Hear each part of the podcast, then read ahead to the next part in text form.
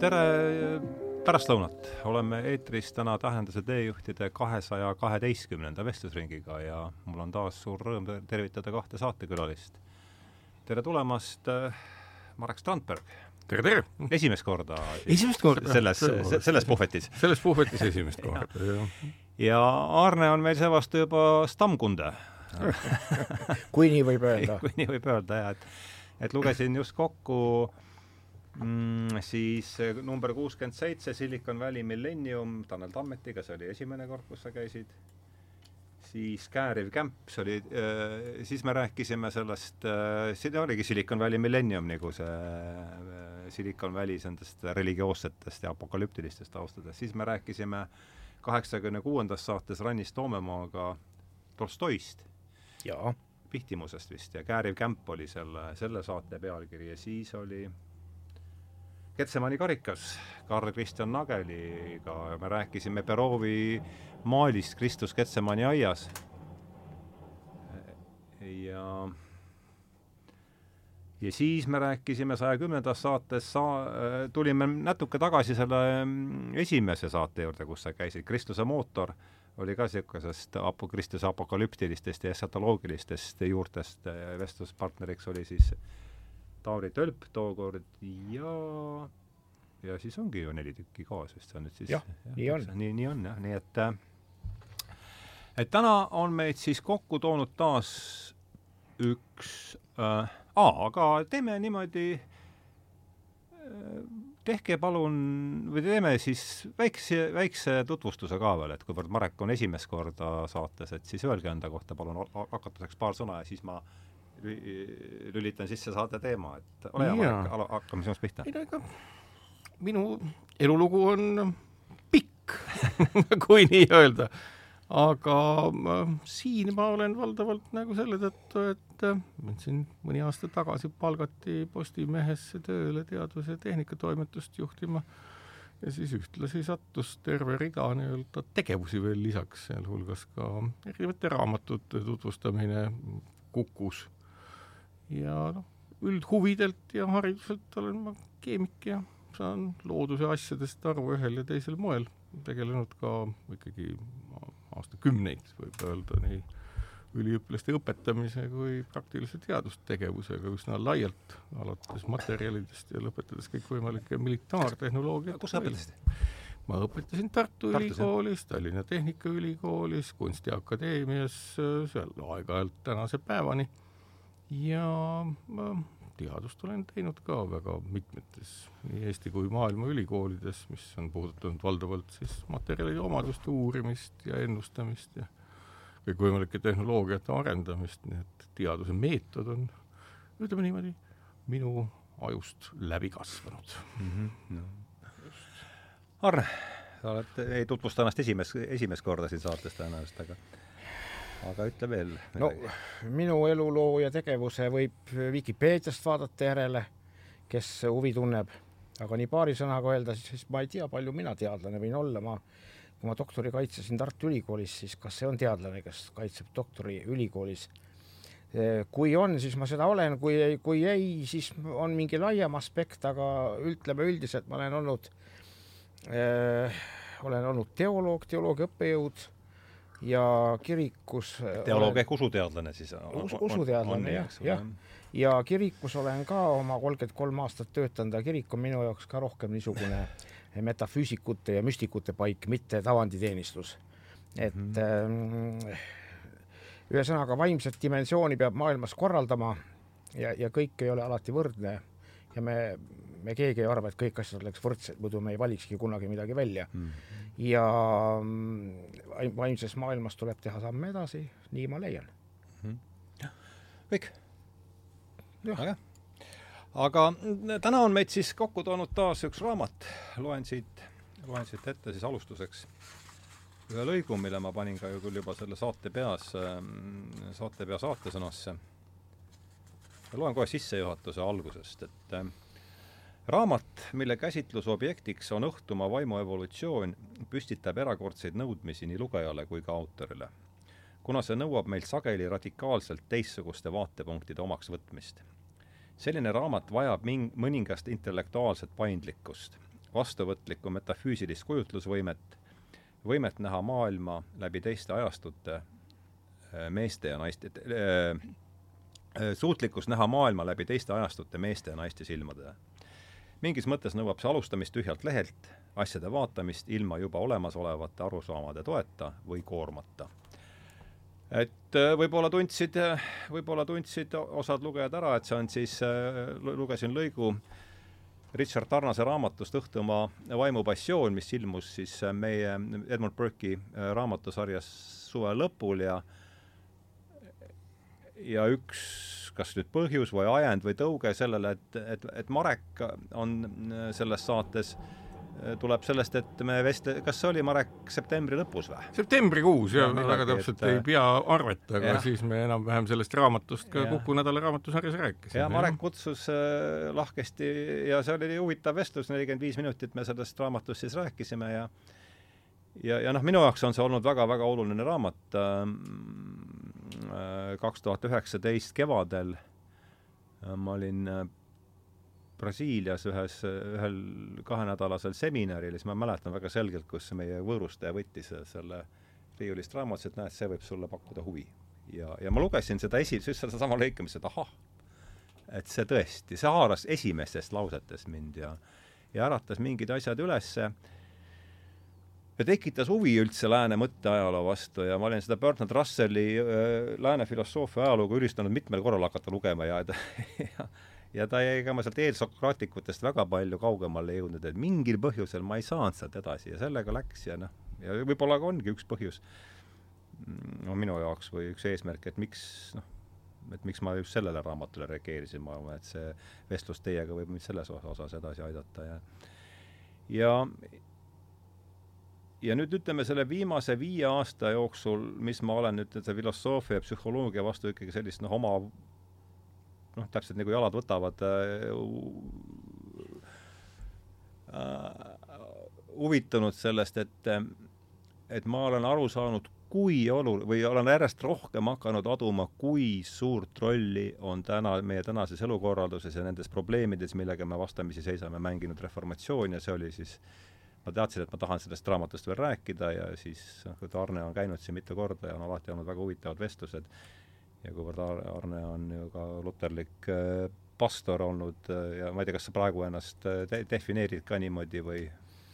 no ikka ma, ikka ma olen luteri kiriku vaimulik. jah, Luter, luteri kiriku vaimulik, et noh, siis kelle, siis oli see, et, et niimoodi, niimoodi see, niimoodi sai, siis sündis selle saate idee ja selle ja, ja, ja külaliste koosseis, et, et ja sellega võib-olla ongi hea oma sissejuhatust lõpetada, et et alustame siis äh, raamatust, et kuidas, mina, ma rääkisin, kuidas teie, kuidas mina selle raamatuni jõudsin, kuidas teie selle raamatuni jõudsite ja võib-olla mingi niisugune esimene, esimene, esimene mulje ja siis vaatame, kus see, kus see pall meil edasi, edasi veereb, et, et äh, ma kindlasti tahaks rääkida, ma lugesin veel eraldi üle selle mm, paarkümmend lehekülge, mis ta Reformatsioonis kirjutas, et et ma ei tea, hakkame Orekist pihta.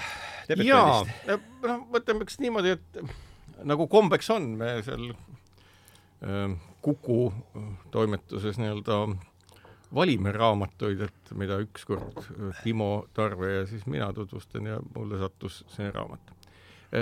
Russelli filosoofia ajalugu ma olen muidugi luge, lugenud ja me rääkisime toona saates ka, et mul oli seda oluliselt lihtsam lugeda sedapidi, kui, kui Tarnase äh, teksti, sellepärast et äh, see noh, ma ei, ma ei, vot raske on hinnata autorit, ma ei ole Tarnaselt ühtegi teist raamatut lugenud või teost.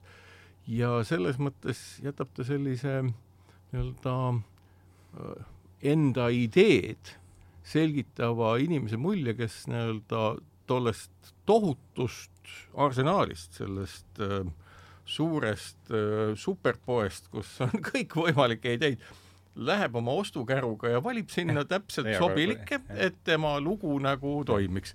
ja, ja selles mõttes noh, kui vaadata kas siis moodsamast ajastki, et äh, keda ta ei käsitle äh, selgelt, kellel ütleme, selle Õhtumaa ajaloo mõttes võiks olla nagu ikkagi üsna olulist tähendust ka kahekümnendast sajandist, aga ta käsitleb nii-öelda valikuliselt ja no ega see ongi, et ega raamatu autori valik.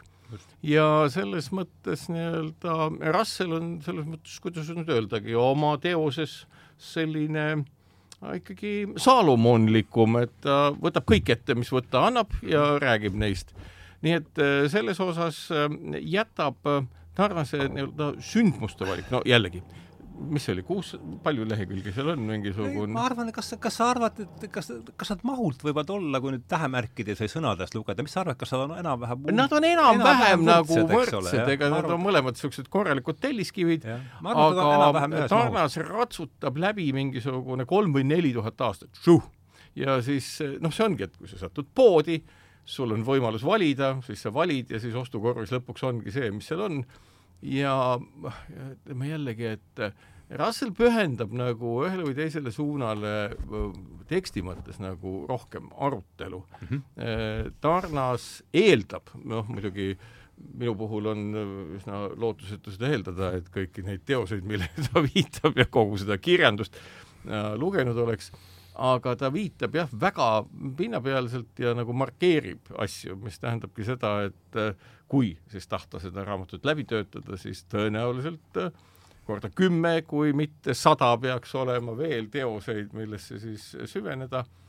ja vot ma ei oskagi öelda, et äh, jällegi, et kuna ma ju lugesin seda raamatut üsna välja kujunenud mm -hmm. isiksusena, kellel mingisugused pi ilmapildid nagu olemas siis eh, minu kogemus on see, et eh, mulle ta väga sellist nii-öelda suunamuutust või nüüd mõttemuutust ka ei tekitanud.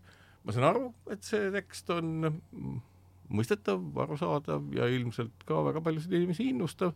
nii et, eh, nii et see on nagu minu esimene mm -hmm. impressioon sellest seda, seda, selle, seda ma tahtsingi, jah.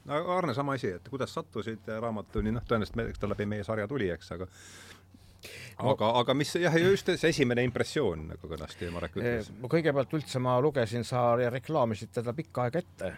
Et on tõlkimisel ja oli intervjuu veel Tähenduse teejuhtides selle Tarnasega ja see tõmbas mu tähelepanu juba, aga noh, mis tähelepanu äratas, oli siis see, et eks ma kunagi ise, kui ma olin kahekümne, kahekümne ühe aastane ja kakskümmend kaks jõudsin vist, jõudsin filosoofia uurimise juurde ja kui ma siin nüüd hiljuti ostsin endale eh, Bruno Mölderi, Roomet Jakobi ja. ja selle Valku või selle jah. see, mis üsna värske. jah, selle, selle Volt, Volt, Voldi eh, sissejuhatus filosoofiasse, siis nad, ma ei ole jõudnud selle lugeda veel ja ma ostsin ära ja siis ma lugesin sealt, noh sirvisin ja vaatasin, et, et see on teine eh, üliõpilastele mõeldud eestikeelne originaalteos, esimene oli Alfred Koort tuhat üheksasada kolmkümmend kaheksa, vaat see on minu õpik -hmm. mina, mina sain oma filosoofia alused Alfred Aha. Kordiga e, ise õppides Nõukogude ajal, lugedes juurde sarja suuri mõtlejaid, konspekteerides läbi mm, -hmm. trükkides läbi masinkirjas ja sain pihta Platonile, Kantile ja ükskõik mm, -hmm. kus mhm. ma loen mingeid filosoofe, kas siis seda Brian McGee, kes ütleb mm, -hmm. et, et, et inglise tudengid ei saa aru tunnetusteoreetilisest probleemist, ma olin lausa jahmunud, sellepärast kui tema teeb samasid tähelepanekuid, mul on see ka olnud see, et see on tõelt tõsine küsimus olnud mm. -hmm. mina sain aru sellest mm. -hmm. ja ma usun, et on arusaajaid ikkagi rohkem mm. -hmm. aga see on väga tõsine küsimus ja kus iganes see kuidagi mängu tuleb, see tunnetusteoreetiline küsimus, mida ütleme, kolm nime võiks panna, Platon, Descartes ja Kant. eks ole, kus, eks ole, jah, täiesti, ma näen seda rida. just, see tõmbab kohe tähelepanu mm. -hmm. ja edasi minu tee läks niimoodi, et mul tulid teoloogid igasugused äh, Paul Tillichid ja, ja kes seal kõik olid, eh, Rudolf Ottod ja Liiri Schleiermacherid ja ja kui nüüd seesama temaatika libiseb eh, Richard Tarnase juurde mm, -hmm. ma tajun juba, et see niimoodi hakkab olema, siis kui ma löön lahti selle Tarnase sisukorra ja vaatan, ta nimetab oluliste teosena just samad nimed, William James, Friedrich Schleiermacher, Paul Tillich ja nii edasi, siis eh, see juba innustas niisugust teost lugema ja kui ma lugesin, siis ma äh, noh, tekst on väga pikk, oleks võinud üle käia, natuke lühendada lugeja säästmiseks. aga teisalt jälle pikk tekst, eks ta aitab jälle, jälle midagi läbi seedida niimoodi, nii et, et et minu jaoks ta on, ütleme, selline, mis viis selle kogemise, mis mul vanasti oli filosoofiat lugedes, teoloogiat uurides, viis selle niisuguse omamoodi vahepealsele tasandile, kus ta võtab just niisuguse vaimuloo läbi ja esitab küsimusi selle kohta, et mida peaks muutma, mis, mis aspektid peaks tulevikus rohkem üles äratama mm. -hmm, jah uh,. ahhaa, võtame, kuidas siit nüüd edasi minna, et noh, jah äh,, ma, hakkan sellest reast kinni, et, et noh, veel kord, Tarnas oli esimene jah, niisugune süstemaatiline käsitlus, ma ütlen, minu huvi selle, kogu selle temaatika vastu on üsna hiljutise päritoluga, et kaks tuhat kaheksateist võib-olla viis aastat olen ma nüüd tõesti süstemaatilisemalt huvi tundnud selle asja vastu, et no minu jaoks on need muidugi jah, Plaat-, lääne filosoofia on eks ääremärkused Platonile, noh siis Aristoteles sinna juurde, siis minu jaoks järg-, nüüd oleks ikkagi juba järgmine oleks Plotinos, siis uus, uus platonism, siis Augustinus, siis Toomas, siis Descartes. ei no kahtlemata, kahtlemata muidugi, jah. jah, ja aga, aga noh, ma ütlen, see täpselt ja, ja ja Descartesist ega olekski ilmselt juba järgmine Paakli on ka huvitav muidugi. Paakli ka veel jah, jah, jah. aga mulle meeldis hästi see, et noh, see oleks see, kus mina, ütleme, see, see, mulle meeldis see sinu ostukaru metafoor, et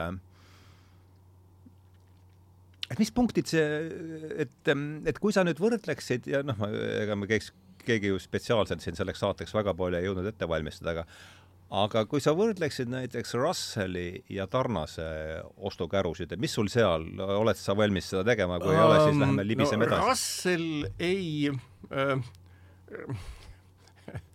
kui, kui rääkida erinevusest mm, -hmm. et siis Russell on pigem äh, tootja, kes mm -hmm. tõstab riiulile mingisuguse hulga tooteid mm. -hmm.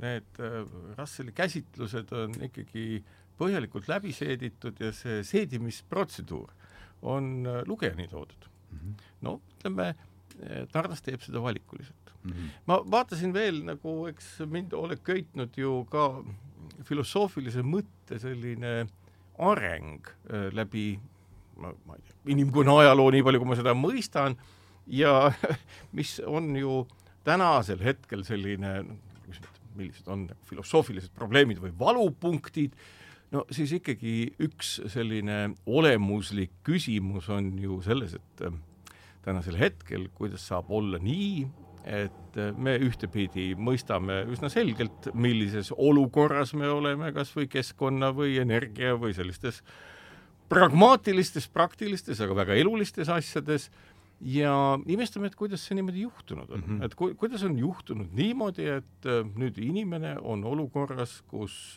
on kümmekond erinevat nii-öelda nähtavat stsenaariumit, mille tulemusena see nii-öelda väga mõtlev ja väga informeeritud olend võib ennast äh, üsna lihtsalt nagu nurka ja üldse planeedilt minema mängida. ja siis nagu on huvitav vaadata kogu seda nii-öelda filosoofilist pooltki ja kuhu me jõuame, me jõuame loomulikult Platonini välja yeah.. ehk et ühtepidi loomulikult me võime öelda, et äh, noh, kirjaoskusel või mõtlemisoskusel on väga oluline tähendus, sellest võib ka hiljem natuke edasi rääkida, aga teistpidi, no ju mõnes mõttes jällegi, et kui me kujutame ette sellist esimesi mõtlejaid, kes vaatavad maailma peale, esimesi inimesi, kes mõtlevad midagi välja, et kuidas midagi olla võiks, mida nad saavad teha tänu just nimelt kirjakeelele ja asjaolule, et neil on olemas piisav meelevald siis Platon on ju see mees, kes oma tekstides võib-olla mitte kõige esimesena, aga kõige jõulisemalt nagu tõmbab piiri vahele äh, mõtlevale ja mittemõtlevale maailmale mm -hmm. ja ütleb, et ainult mõtlev maailm on oluline ja sellega tegelikult vermib. mõeld-, või võib-olla mõeldav järsku või? Ei, sorry, ma ei no just nimelt mind, ikkagi, ikkagi ta ma, ma olen pigem niimoodi aru saanud, aga ei, ta ikkagi mitte... nagu ütleb, et kui on noh, ütleme piltlikult öeldes Platoni mõttes loom ei ole väärtus mm. -hmm. ehk et, ehk et see, mida me teame, et on hoopis teistmoodi tänapäeval, aga see Platoni vermitud suund mm, -hmm. liikuda suunas, kus inimene ja. on väärtus ja mitte miskit muu ei ole, tekitabki -hmm. selle hierarhia, mida me täna ju kritiseerime, et kuidas saab olla niimoodi, et me oleme siin maa peal ja domineerime ja ignoreerime samal ajal kõikvõimalikke teisi seoseid, mille energeetiline maht, mille informatsiooniline, evolutsiooniline, ökoloogiline tähendus on oluliselt suuremad kui Platon kunagi seda ettegi kujutas. sellepärast, et äh, Platoni jaoks oli mõnes mõttes maailm lihtne. Ehk et äh, mõnes mõttes nagu Descartes'igi jaoks, et äh, noh, kuulus lause, eks ole, mõtlen, järelikult olen olemas, Descartes'i oma, ja nüüd on siis ütleme, Descartesilised inimesed üllatunud, et ohoh, et meie hulgas on ka inimesi, kes on olemas ja kes ei mõtle, ja maailm, kes on hoopis teistsugune ja hoopis teistsugune, ehk et ähm, me oleme tegelikult filosoofiaga verminud ennast mõnes mõttes silmaklappidega pimedaiks, märkamata juba sajandeid, niikaua kui loodusuuringuid on tehtud teistsuguste suhete olemasolu, tegelikult ka mõnes mõttes teistsuguste rahvaste ja kultuuride olemasolu mm -hmm. ja selles mõttes nii-öelda, ma ei ütle, et Tarnase raamat on nüüd nii-öelda osa nendest silmaklappidest, aga see ongi see ühe mehe valik riiulilt, mis on mõõtmatult suurem kui äh, tegelikult äh, õhtumaine maailm mm. -hmm. jaa, Platon, aga võib-olla Platon on Platon on muidugi hea alguspunkt, et äh, ega äh, ma tal on nii palju aspekte. tal on nii palju aspekte, sellepärast on see Whiteheadi lause ka, et Euroopa filosoofia ääremärkused temale. et eh, kust aspektist vaatad, mõnes pidis on ta jalu sees igatpidi ja tast ei saa kuidagi mööda mm. -hmm. E, ikka, ikka needsamad küsimused, mis ta küsis aga teisest pidi on loomulikult see, et ta jah, niisugust vaimset eh, ja mõtlevat külge pidas olulisemaks kui materiaalset ja sellist, sellist aspekti see on täitsa olemas ja, ja sellega on muide kristluses oma noh, tegeldud, et äh, mitte ihu ei ole põlastusväärne, nagu Kreeka filosoofia arvas ja platonism no see on ka nii lai mõiste, see Kreeka filosoofia, eks ole, seal on ka aga, igasugu just, aga põhiliselt noh, on niisugune Platonit mitte välja arvates, et, et kristlus ei põlasta ihu nii nagu Kreeka filosoofia, see on väga levinud niisugune eh, parandus olnud eh, kristlike filosoofide poolt mm. -hmm.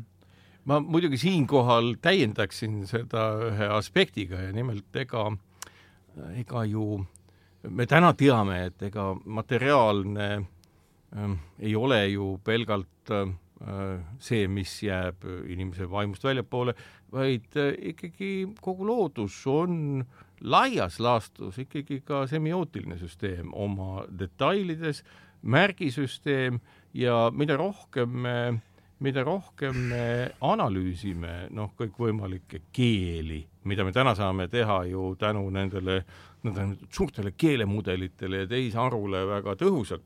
ma ei ütle, et noh, nii-öelda tehisaru imiteerib nüüd väga täpselt seda, mis inimese peas toimub, see ei oma tähendust aga kui eraldiseisvad ja kui prognoosivõimelised on pelgalt märgid, semiootilised süsteemid, asjana iseeneses mm. -hmm. ehk et meil ei ole vaja sinna noh, mingit väga keerulist materiaalset substantsi juurde panna, see materiaalne substants on üsna lihtne, millises kontekstis needsamad keelemudelid näitavad märgisüsteemide mõju ja siinkohal ongi taas seesama asi, et mis on ju hoidnud meid, noh jällegi, et tulla selle, selle Pla-, Platoni juurde, et äh, no see on nüüd nagu väga spekulatiivne järeldus, aga ikkagi, et äh, separeerides inimkonna kui eraldiseisva substantsi ülejäänud maailmast, me oleme hoidnud väga pikka aega ka neid asju, mida me looduse kohta märganud oleme, kuidagi nagu äh, noh, kalevi all, no meid ei ole see nagu kuidagi köitnud või inimkond on väga visalt arenenud, noh, toon näite, eks ole, seesama evolutsioon, evolutsioon, küsimus sellest, mida Charles Darwin tähele pani ja millest ta kirjutas oma liikide tekkest, looduslik valik, kõik sinna juurde kuuluv ja siis need nii-öelda muutused, mis siis järgnevates põlvedes ellu jäävad nojah, et Darwin juba oma elu lõpupäevil tõdes seda või isegi oma esialgsete uuringutega, et noh, tema jaoks näiteks oli Paabulin tegelane, kes ta oksele ajas piltlikult öeldes, ütles, et no ma jään haigeks, kui ma vaatan Paabulin, ma ei mõista, milleks on vajalik selline sulgede virvar. Ja, ja no loomulikult lõpuks ta hakkas nagu aduma, et ju sellel on mingi seksuaalse käitumisega mingi seos, mida me tänasel päeval teame, et see ongi selline Paabulinu evolutsiooniline eeldus, näidata, kui vägev ta on. aga sinna taha jääb veel terve rida asju, sellepärast et Darwin ei äh, postuleerinud väga täpselt seda, mis asi on evolutsioon, aga tänasel hetkel nii-öelda kolmanda evolutsioonisuuna esindajad, biosemiotikud ütlevad, et see on noh, kuna evolutsiooni aluseks on ühel või teisel moel ikkagi elusrakk, siis nad ütlevad seda, et evolutsiooni on võimalik tegelikult märgata juba ka ühe põlve vältel.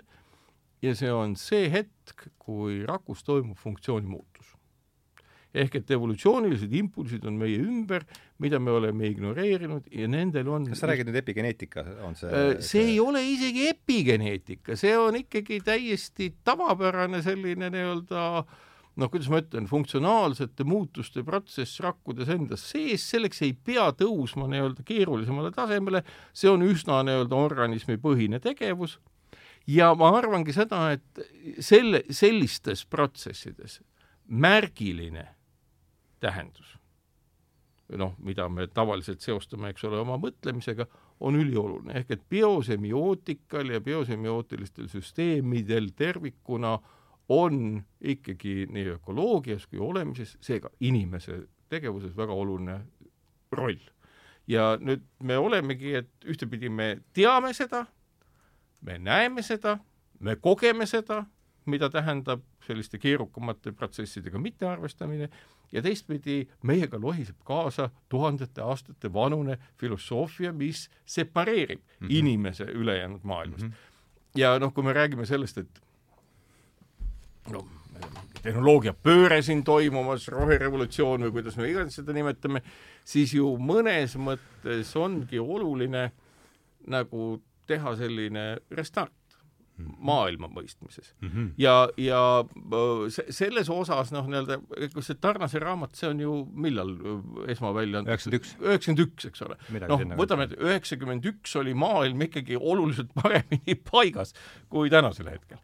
ja ma ise kujutan ette, et äh, kui Tarnas ise seda ei taha ette võtta, nagu väga paljud ju mm, filosoofid või ühiskonna käsitlejad on ka teinud nii-öelda selliseid nii-öelda oma vigade parandusi senistes arusaamades, noh, nii-öelda äh, näiteks Fukuyamagi on teinud nii-öelda oma kontseptsioonides mõnes mõttes nagu vigade paranduse ja öelnud, et ikkagi ajalugu läheb edasi ja, ja, ja seal on asjad hoopis teistmoodi siis äh, ma kujutan ette, et äh, see, mida noh, nii-öelda me kõik ütleme, et me peame kuidagi oma mõtlemist muutma.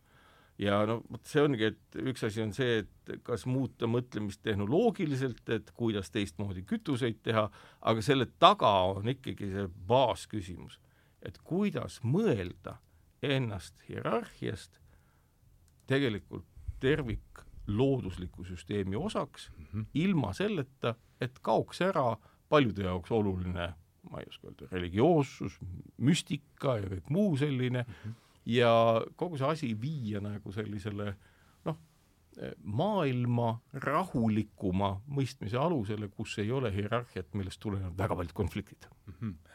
Uh, vaatasin, et selle saate, saate raamatu juhtmõte on maailm on sügav nagu kaev ja sügavam kui päeva arvamine. Friedrich Nietzsche, nõnda kõneles Zarathustra ja ja, ja kui Nietzsche juba sisse tuli, siis tuleb ikka see äh, teine kuulus tsitaat seoses Platoniga, üks on see, et lääne, lääne filosoofia on ääremärkused Platon, aga teine Nietzsche, et kristlus on äh, platonism äh, massidele, et jällegi Platon on äh, Platon on suur ja lai, et ma tõmbasin näo krimpsu, et ei ma, et ei. aga räägige palun, mis sa sellest, mis sa sellest mõttest arvad, niisuguse, niisuguse mõtte ta välja viskas, eks? ja, ja ei loomulikult, tähendab, Nietzsche on igast asju veel öelnud, ta, on öelnud, eh, ma olen ise tsiteerinud, kus ta ütleb, et et äh, saksa filosoof, protestantlik pastor on saksa filosoofia vanaisa ja, ja saksa filosoofia päris patt, erandi, ära, edasipäranduv patt on protestantlus mm. -hmm. ja see on õigus kui ma loen siiamaani Fritsusid, saksa autoreid, siis sakslastel on äh, valgustusaeg oli Prantsusmaal lõi nagu selle kiriku ja kuidas olid saksa filosoofia pä- päris patt on protestantlus või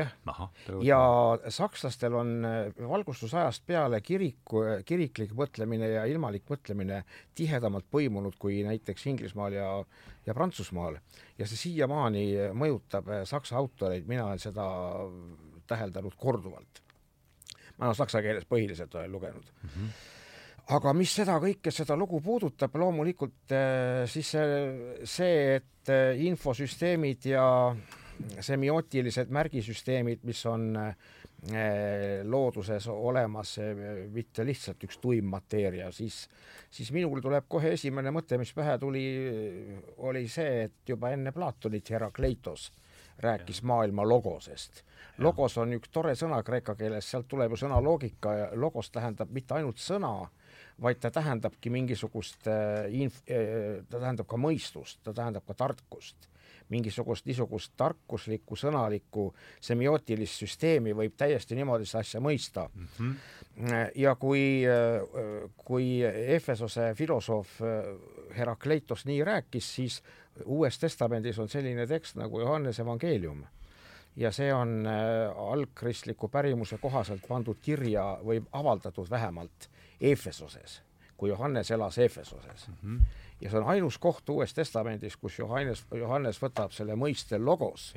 Herakleitoselt, mida ka stoikud olid vahepeal kasutanud ja hakkab pihta, alguses oli logos või sõna, nagu meil on tõlgitud, logos oli Jumala juures, logos oli Jumal logos sai lihaks Kristuses, eks ole. noh, et võib vaielda siin, kas nüüd Kristust niimoodi esile tõsta või mitte. Üks äh, kristlik filosoof Justinus teisel sajandil kommenteerib niimoodi, et Sokrates ja Platon ja kõik on saanud osa sellest logosest mm. -hmm. aga Kristuste esiletõstmisega oli selline lugu, et kas ta meeldib või mitte, aga Kristus lõi läbi.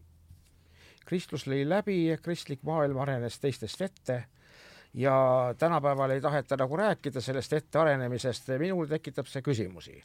me korraldame jalgpallivõistlusi, väga tähtis on, et kes peale jääb. me korraldame muusikakonkursse, jälle, kes teised üle lööb, on väga oluline.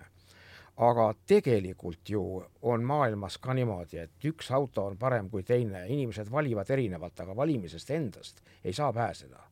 ja kui miski asi lööb läbi, siis sellel on mingisugused põhjused, vahel võivad olla pseudopõhjused, vahel on teokad põhjused, aga läänemaailm arenes kõigist ette.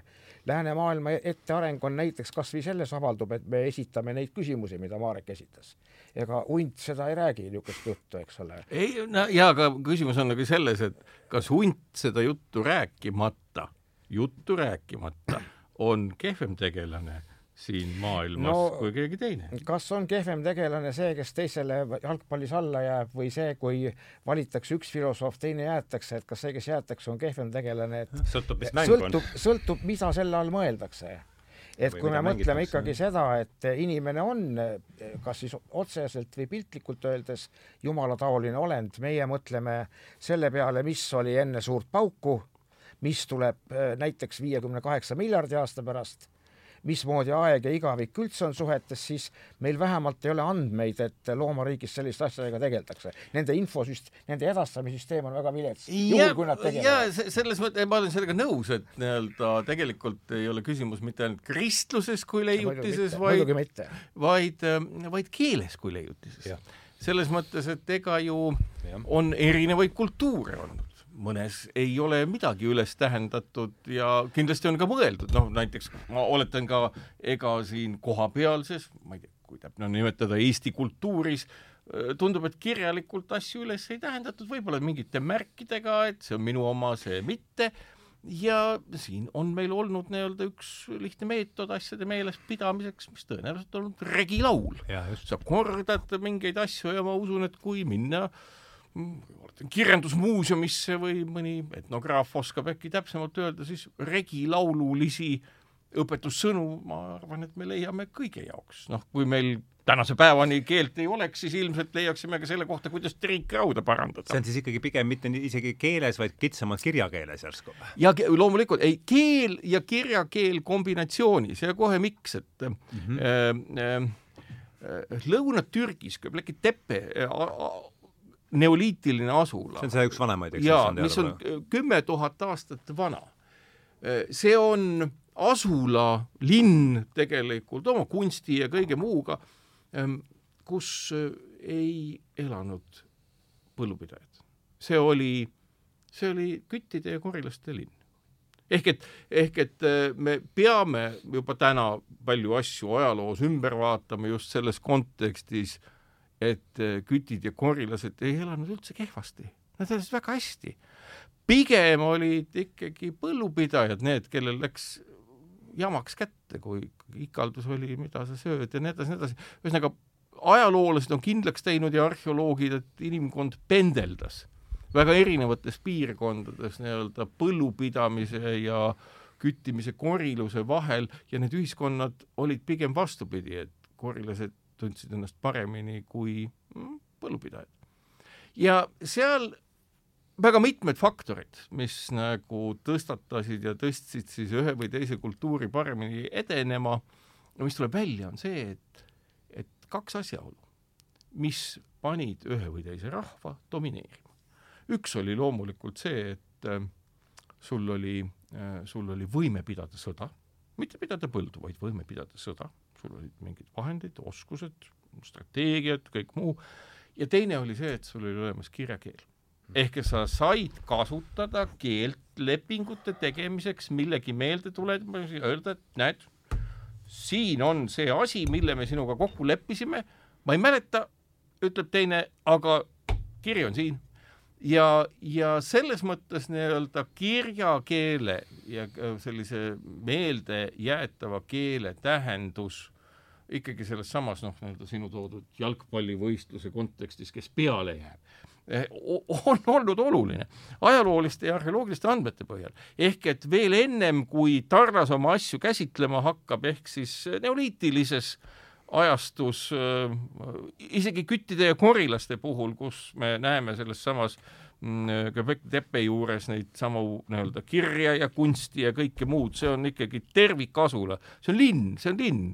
Äh, arvatakse, et see oli mingisugune rituaalne või initsiatsiooniline, me ei oska seda tagasi mõelda, võib-olla me saame kunagi masinaid, noh, ka nendest keelemudelitest tuletades tagasi kerida, et mis siis olla võis.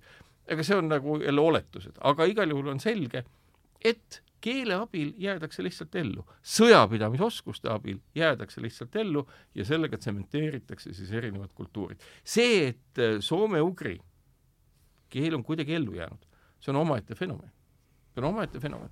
kindlasti me oleme pidanud mingeid sõdu, kindlasti on meil ole-, olnud mingid oskused, võib-olla on meil olemas olnud ka mingisugune neoliitiline kultuur põhjalikum, ma ei tea seda, aga üks on selge, et äh, me oleme nagu kuidagi noh, ütleme äh, meie kirjakeel ei ole olnud selline, nagu me oleme harjunud nägema teiste puhul.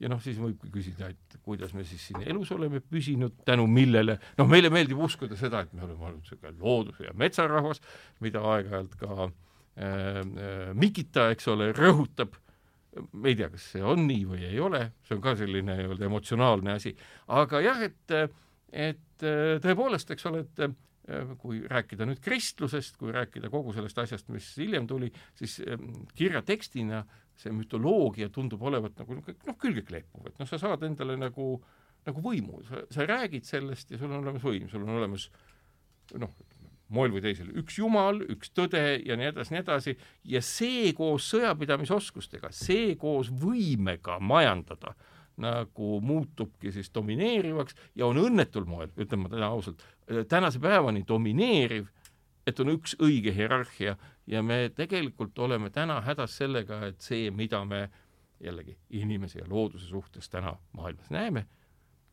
eeldaks natukene tolerantsemat vaadet kõikvõimalikele elusolenditele siin, kuna selgub, et me üksi inimesena oma genoomiga, oma valgukoostisega, ei suuda selle entroopiaga võistelda, mis meil siin planeedi peal lokkab ja vohab äh, aitäh, aga Arne, kas ärgitas mõtteid mingis suunas, ma ei ja, hakka küsimust ei, viskama ei, praegu. lihtsalt needsamad küsimused võtavad natuke teise faasi, et ikkagi tekib olukord, kus miski jääb, miski on jätkusuutlikum, olgu see hea või halb mm. -hmm. ja sellest ei pääse mitte kuidagi. Me kõik teeme mingeid valikuid, mitte ainult Tarnas, vaid ka mina ja, ja, ja, teised, eks ole. kui me läheme koos pääse. Marekiga kandideerime kuskil bioloogia erialal, siis öeldakse mulle kohe, et mine ära, sa oled võhik. ja ma olen ka võhik. et, et noh, et need minu meelest need küsimused, üks ei välista teist ja põhimõtteliselt ma olen muidugi nõus sellega, et hierarhiaid on kuritarvitatud ja igasuguseid positsioone on väga kõvasti kuritarvitatud. teisest küljest muidugi ma olen ka sama veendunud, et ma ei usu ühtegi pöördesse, ei rohepöördesse ega, ega kristlikusse pöördesse ega mitte mingisse pöördesse ei usu. võib-olla ainult ühel juhul natukene usun, kui riik suudaks kehtestada reaalselt mingisuguse süsteemi ja ei loo-, seda no, loomulikult ega, ega asi iseenesest ei pöördu, mingi jõud peab olema no ja tänasel hetkel nüüd ütleme ka, küll me läheme sellest Narvase loost hästi kaugele, eks ja, ole. see oli meil aga, aga tõuke, see on ka, see on ka nagu tõukekohaks, aga noh, näiteks kui ma vaatan ka, et ka ma otsisin nagu, kas Narvasel on siis nii-öelda tema ähm, noh, kuidas ma ütlen, nagu ähm, kahekümnenda sajandi lääne kultuuri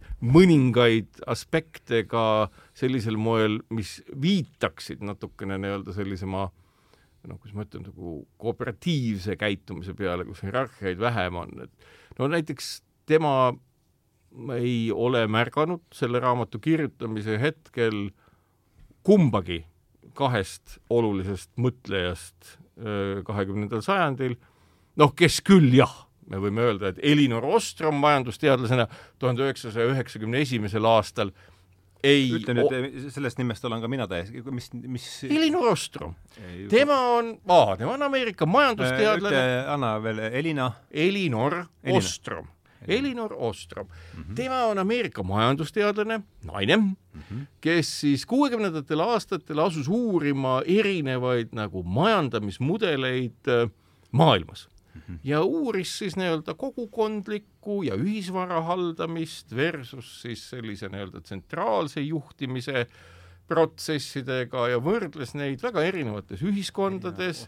Äh, minu meelest äh, kaks tuhat kaksteist anti talle ka Nobeli majanduspreemia ja selles mõttes nii-öelda üsna revolutsiooniline mõtleja selles osas, et näitas mudeldades faktiliselt Ostrom, jah. Ostrom, jah, Elmar Ostrom, ära siis selle, et ühisvara, noh, tegelikult me, tänane probleem ongi see, et jah, kaks tuhat üheksa on Nobel. kaks tuhat üheksa, kaks tuhat kaksteist, ma ajasin sassi, kaks tuhat üheksa.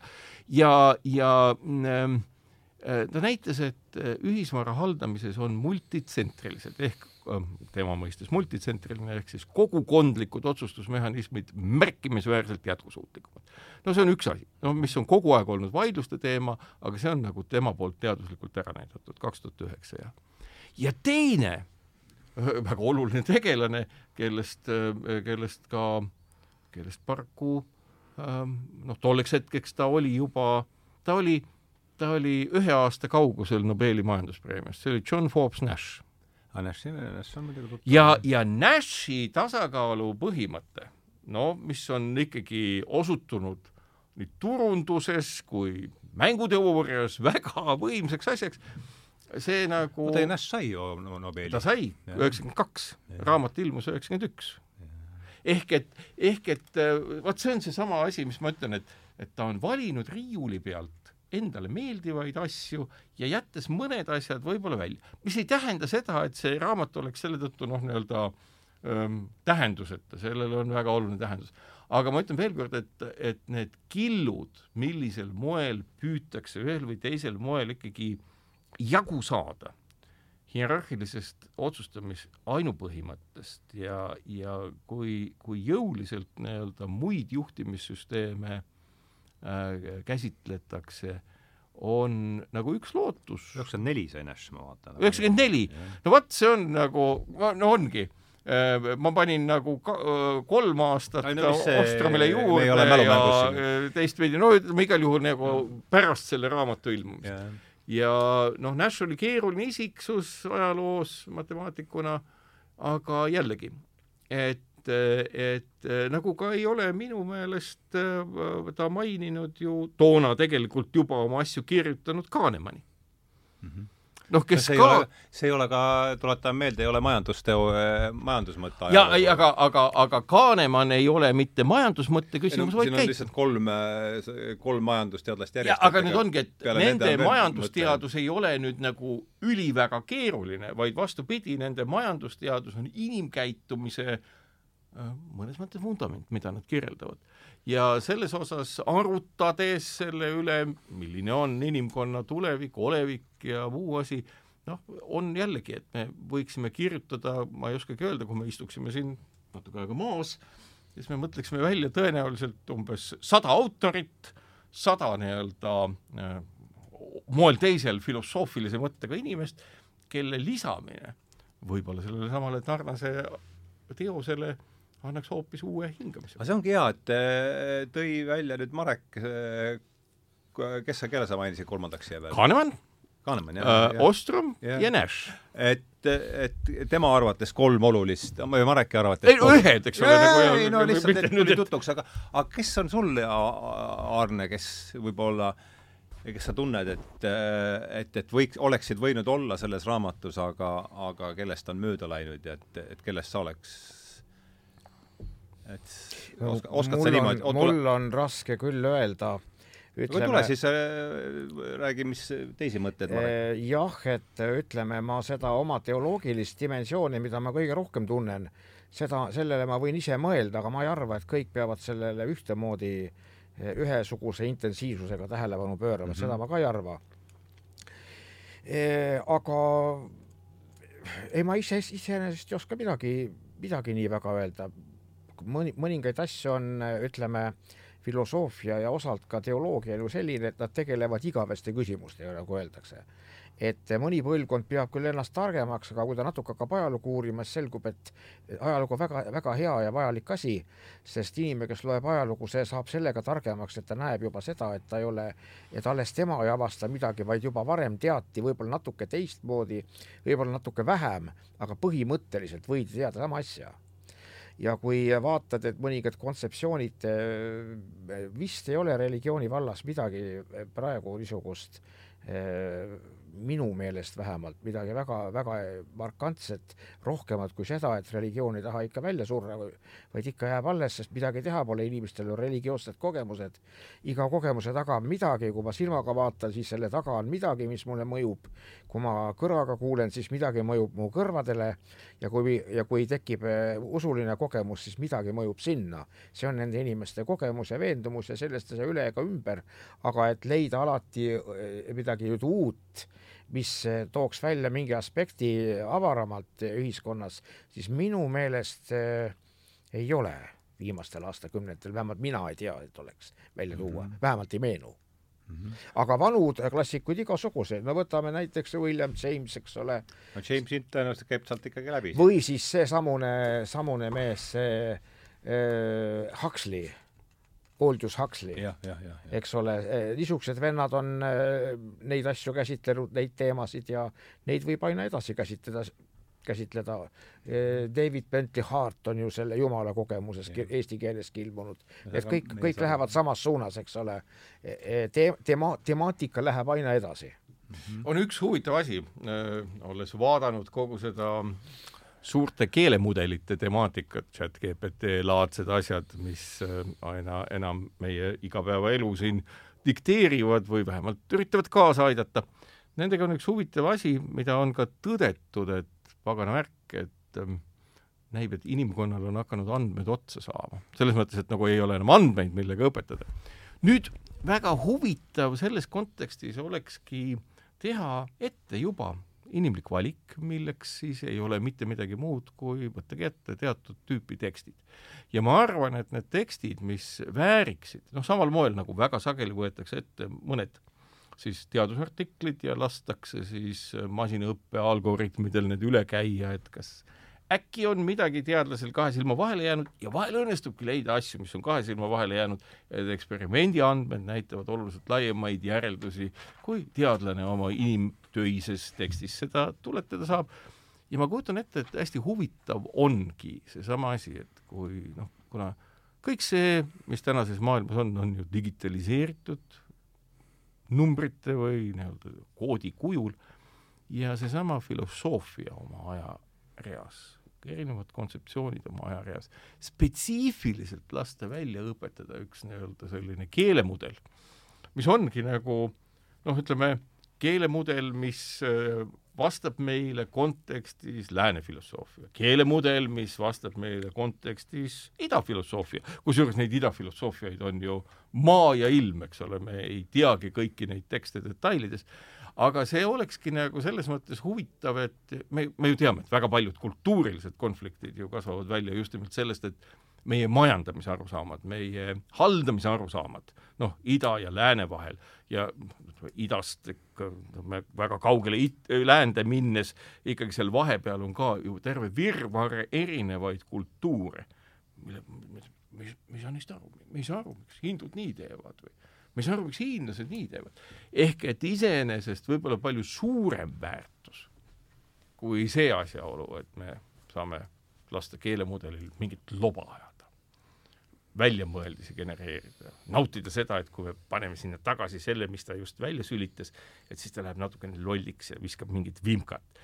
et võib-olla nagu see nii-öelda kultuuritekstide analüüs, noh, mis on üldiselt väga keeruline tegevus ju, kui inimene seda ette võtab, võiks olla üks selline ähm, äh, kultuuriline ülesanne või pealisülesanne, pealisülesanne on vist Stanislavski termin näitleja jaoks, et mida ta peaks nagu, aga me, me olemegi mõnes mõttes nagu selle tehisintellektiga või aruga ju mõnes mõttes näitleja seisundis, et me annamegi talle ülesandeid. Ja et võib-olla olekski nagu lahe omada just nimelt sellist tööd, noh, mida saavadki tehisintellekti omanikud teha kultuurilises mõttes, et õpetadagi välja erinevate ajalugude, erinevate filosoofiate, erinevate suundumuste selliseid keelemudeleid, millele saab esitada küsimust. lootuses, et seal ei ole mingit häirivat nagu aspekti ja meil oleks ju hea. noh, eestlaste puhul öeldakse sageli, et peamine küsimus elevanti vaadates ei ole mitte see, kui palju ta sööb või kui, kui palju ta maksab või mis iganes, vaid mida ta minust arvab. Ja, ja see selles mõttes võib-olla ongi hea meie jaoks kultuuriliselt nagu aru saada, mida erinevad kultuurid realiseerituna keelemudelitena meist arvavad. et millises positsioonis me oleme mul on üks, meil on, kanalil on nüüd Tarnasest on terve playlist seal ja üks klipp, vist üks esimesi, mis ma sealt võtsin, on see, kus ta ütleb, et ma kirjutasin selle raamatu mitmetel põhjustel. Ja et üks on need, et, et tema arvates selleks ajaks olemas olnud, olemasolevad lääne filosoofia käsitlused vaatavad mööda lääne filosoofia ajaloo spirituaalsetest ja religioossetest aspektidest, noh, minu arvates see käib eriti noh, mm, Russell on ju üks, üks hea näide selles osas ja ja, ja see ka mingi selline mis ta ka heidab ette, see selline üleolev suhtumine, et selgitab Platonit ja juba seal poole lause pealt, et noh, see on ju selgelt, see on ju selgelt jabur seisukoht, et et mis sa, kuidas, mis sa, Arne, Arne, sellest äh, mõttest arvad, et, et just see, et et jagad sa seda tunnet veel kord, see, see väide oli siis see, mida ta ütles, et siis selles klipis, kus ta ütleb, et ta kirjutas selle raamatu mitmetel põhjustel, et üks põhjus oli see, et et paljud, no ütleme, enam levinud, ja Russell on siin noh, kahtlemata üks niisugune krestamaatiline tekst tõenäoliselt. ei, jagan ikka, muidugi jagan, tähendab, see on ma olen selle üle järele mõelnud, kuhu see välja jõuab, see jõuab ilmselt ikkagi isikliku kogemuseni et osa inimestel ilmselt maailm piirdubki sellega, mis ta maises, maises mõttes keelemudeliga? enam-vähem selle keelemudeliga, mis ta maises mõttes on ja väljapoole läheb vähem mm. -hmm. siis tema huvi vastavalt on ka rohkem mm, -hmm. rohkem pööratud nendele asjadele ja võib vastupidi olla, et inimestel see intuitiivne kogemus eh, roh-, vähem nähtava tegelikkusega või üldse nähtamatu tegelikkusega eh, läheb suuremaks, siis ta huvi läheb jälle sinnapoole mm. -hmm ja igatahes, kui tahetakse hakata ühte poolt välja suretama, siis mingil moel tekib see ära, äratundmine, et, et Euroopa, nagu sa ütlesid, et et Euroopas on mindud sellest vaimsest dimensioonist mööda. ja põhimõtteliselt muidugi see, mida Marek ka rääkis, väga mitme aspektist mina tooks nagu selle, et et siin ju mitmed on öelnud, et kahekümnendal sajandil toimus lääne ja ida kohtumine mm. -hmm. kes see oli, kes ütles, et nagu võrdse võrdsega. Justus Smith. just, jah et nagu võrdne võrdsega ja, ja täpselt see nii ongi. seesama skeem mastaapselt ja võrdse võrdsega ska,. samas, sama skeem, et näiteks kui me võtame, ütleme, antiiksed raamatud, miks piibel jäi peale, ma toon oma valdkonnast näite. piibel oli parim, mis oli raamatuturule panna sest teised olid liiga mütoloogilised või olid nad liiga kitsalt filosoofilised. aga piibel oli suur, suur inimlik kogemus, mis ulatub nähtamatusse maailma, paljude inimeste tajumine, et sealtkaudu avaneb väga oluline asi ja seda tõde siis harrastati ja viidi, aga praegu keegi ei keela uut raamatuturgu. täiesti vaba no,. meil on see õnneks ju vaba, olemas, eks ole. on olemas, on olemas, alles ma olin eile kuulsin, et piiblit trükitakse maailmas nelisada miljonit aastas Piibli seltsi inimene rääkis niimoodi, et äh, on võimalik mõnel teisel, no see on nüüd piltlik jutt osalt, eks ole, noh, et ega siis trükkimine iseenesest, aga midagi ta näitab.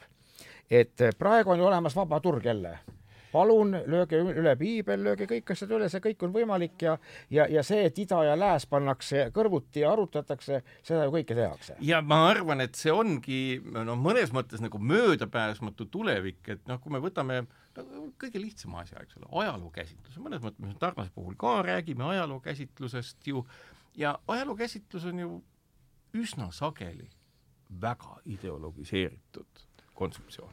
noh, ka Eesti ajaloo käsitlus ajalooliselt me teame, väga ideologiseeritud kontseptsioon, seitsesada aastat orjapõli ja mis kõik veel, eks ole.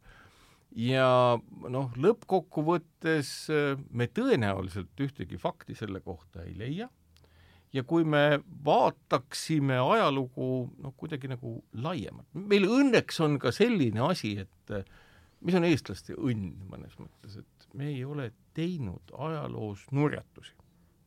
no me ei ole kedagi väga okupeerinud, me ei ole olnud koloniseerijad, me, me oleme nagu selles mõttes üsna sellises mõnes mõttes välja valitud staatuses, me saame ajalugu vaadata äh, üsna neutraalselt, enamgi veel, me saame vaadata ajalugu enda kontekstis väga erinevatest suundadest. noh, see ei tähenda seda, et me oleks vähem patriootlikud, kui me vaataksime ajaloole sellisel moel, et tõepoolest Euroopa Atlandi-poolsest tipust kuni Vaikse ookeanini välja, kuidas omal ajal inimesed liikuda võisid ja siis, kui teha näiteks kõige lihtsam asi, Google Earthis võimendada üles kõik mäed ja, ja, ja, ja künkad, siis tekibki selline, mitte küll ida-lääne suunas, aga enam-vähem selline kanal, mida mööda saigi liikuda, kus ei olnud riigipiire. ja siis me saame aru, kus me tegelikult oma Skandinaaviaga oleme. me oleme selle tee kõrvalharul, ummikteel. ja sellest tekib ka arusaam, miks, miks meid niimoodi ellu jäeti, et noh, miks me, miks me siin oleme. nii et teistsugune geoinformaatiline, ka nii-öelda keeletehnoloogiline vaade meie enda ajaloole ja kõikide olijate ajaloole siin maapinnal annaks tõenäoliselt hoopis parema vaate. sellepärast, et kui ajalugu kirjutab äh, äh, Briti ajaloolane siis tema jaoks Napoleon on lõppkokkuvõttes või vähemalt oli mõnda aega tagasi veel vaenlane. kui ajalugu kirjutab Prantsuse ajaloolane, siis Napoleon on nii, nagu ta objektiivselt on, ikkagi tohutu kultuurilise ja õigusliku revolutsiooni läbiviija, tõeline valgustusajastu inimene, ähm, kes iseenesest muutis väga paljut, mida me tänase päevani naudime. mida me peame oluliseks osaks ja mida peavad kõik kultuurrahvad oluliseks enda osaks. ehk et vaatepunkti muutmine, noh, mida me naudime, me naudime täna seda, et me võime võtta ette Google Earthi või Google Maps'i ja vaadata, kus keegi elab, mis on majad, teed ja kõik iganes, selline üldine vaade ja sellist üldist vaadet ajaloole ja inimese olemusele, no kus me ei pea ütlema, et me kanname aegade algusest aegade lõpuni mingit vaenu edasi see ei tähenda seda, et me peaksime näiteks kuidagi venelastega sõbraks muutuma. ei, vastupidi, me võime venelasi käsitleda sellistena, nagu nad on. Eh, mis ei tähenda seda, et nendega peaks läbi saama, vaid vastupidi, me näeksime ajaloo terviklikkuse kontekstis seda, et on kujunenud üks omaette hoidev selline seltskond, kellega peab olema väga ettevaatlik. Neid ei pea vihkama, aga neid ei saa ka armastada. Neid tuleb võtta nii, nagu nad on. ikka saab, vaata, kuidas abielluvad omavahel. Eestlased ja venelased, kogu aeg armastavad. No jaa, aga ma arvan, no vot see, vot see ongi nüüd nagu seesama küsimus, et noh, ega nad kogu aeg ka ei abiellu. eks, eks seal ole ikkagi, see, see, see on nagu laiem, see on nagu laiem küsimus, see on nagu laiem küsimus, et kui palju siis meil on tegelikult selliseid ideoloogilisi olendeid, semiootilisi rasse Äh, mitte segunevaid, noh, me võime ju esitada, ma, ma ei tea, selleks peaks nagu ilmselt Statistikaametist abi paluma, äh, et, et kui palju, kui palju Eestis on näiteks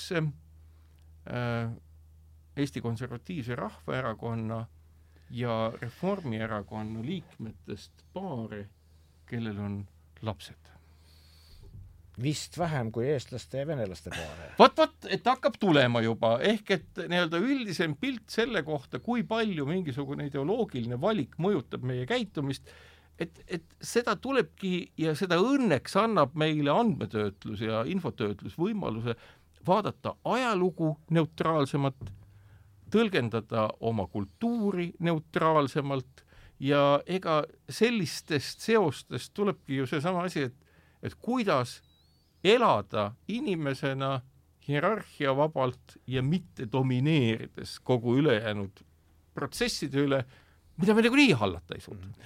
Aga ma tahaks nüüd sikutada ühte teist niidi otsa, mille jättis äh, ilusti äh, kuidagi Arne tõmbas sealt kangast välja, just see, et kus me hakkasime rääkima, et, et filosoofia käsitlused on eks jätnud kõrvale selle filosoofilise religioosse aspekti ja sa ütlesid, et et kuivõrd inimestel puudub kogemus ja et kogu meie haridussüsteem natukene meenutab sedasama keelemudelit, et noh, ütled oma need sõnad õiges järjekorras ära, äh, saad oma viie, siis on sul viieteistkümne minuti pärast algab teine keelemäng, ütled seal ka need sõnad õiges järjekorras ära.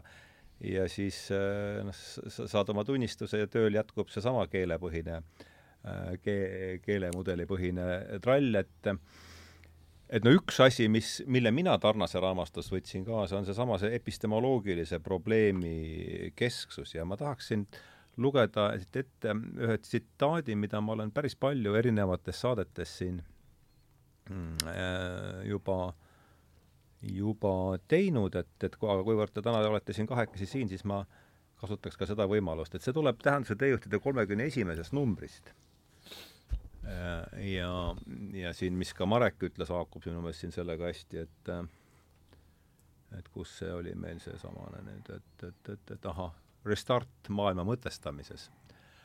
et ma intervjueerisin Tähenduse teejuhtide kolmekümne esimeses numbris äh, David Lorimeri, kes on siis äh, brittide Scientific and Medical Networki äh, programmidirektor, suuresti selle asja ideoloogiline juht, nii palju kui ma selle aru saan või see idee, mitte ideoloogiline, vaid ideeline juht ja ja me sattusime siin jutuajamises siis sellise tegelasena nagu John Moriarty, kes on üks Iiri kirjanik ja, ja filosoof ja ma siis küsin ta käest, et John Moriarty arvas, et järgmine suur teadusrevolutsioon saab olema just nimelt epistemoloogiline ning selle käigus jõutakse põhimõtteliselt uute teadmiste hankimise viisideni.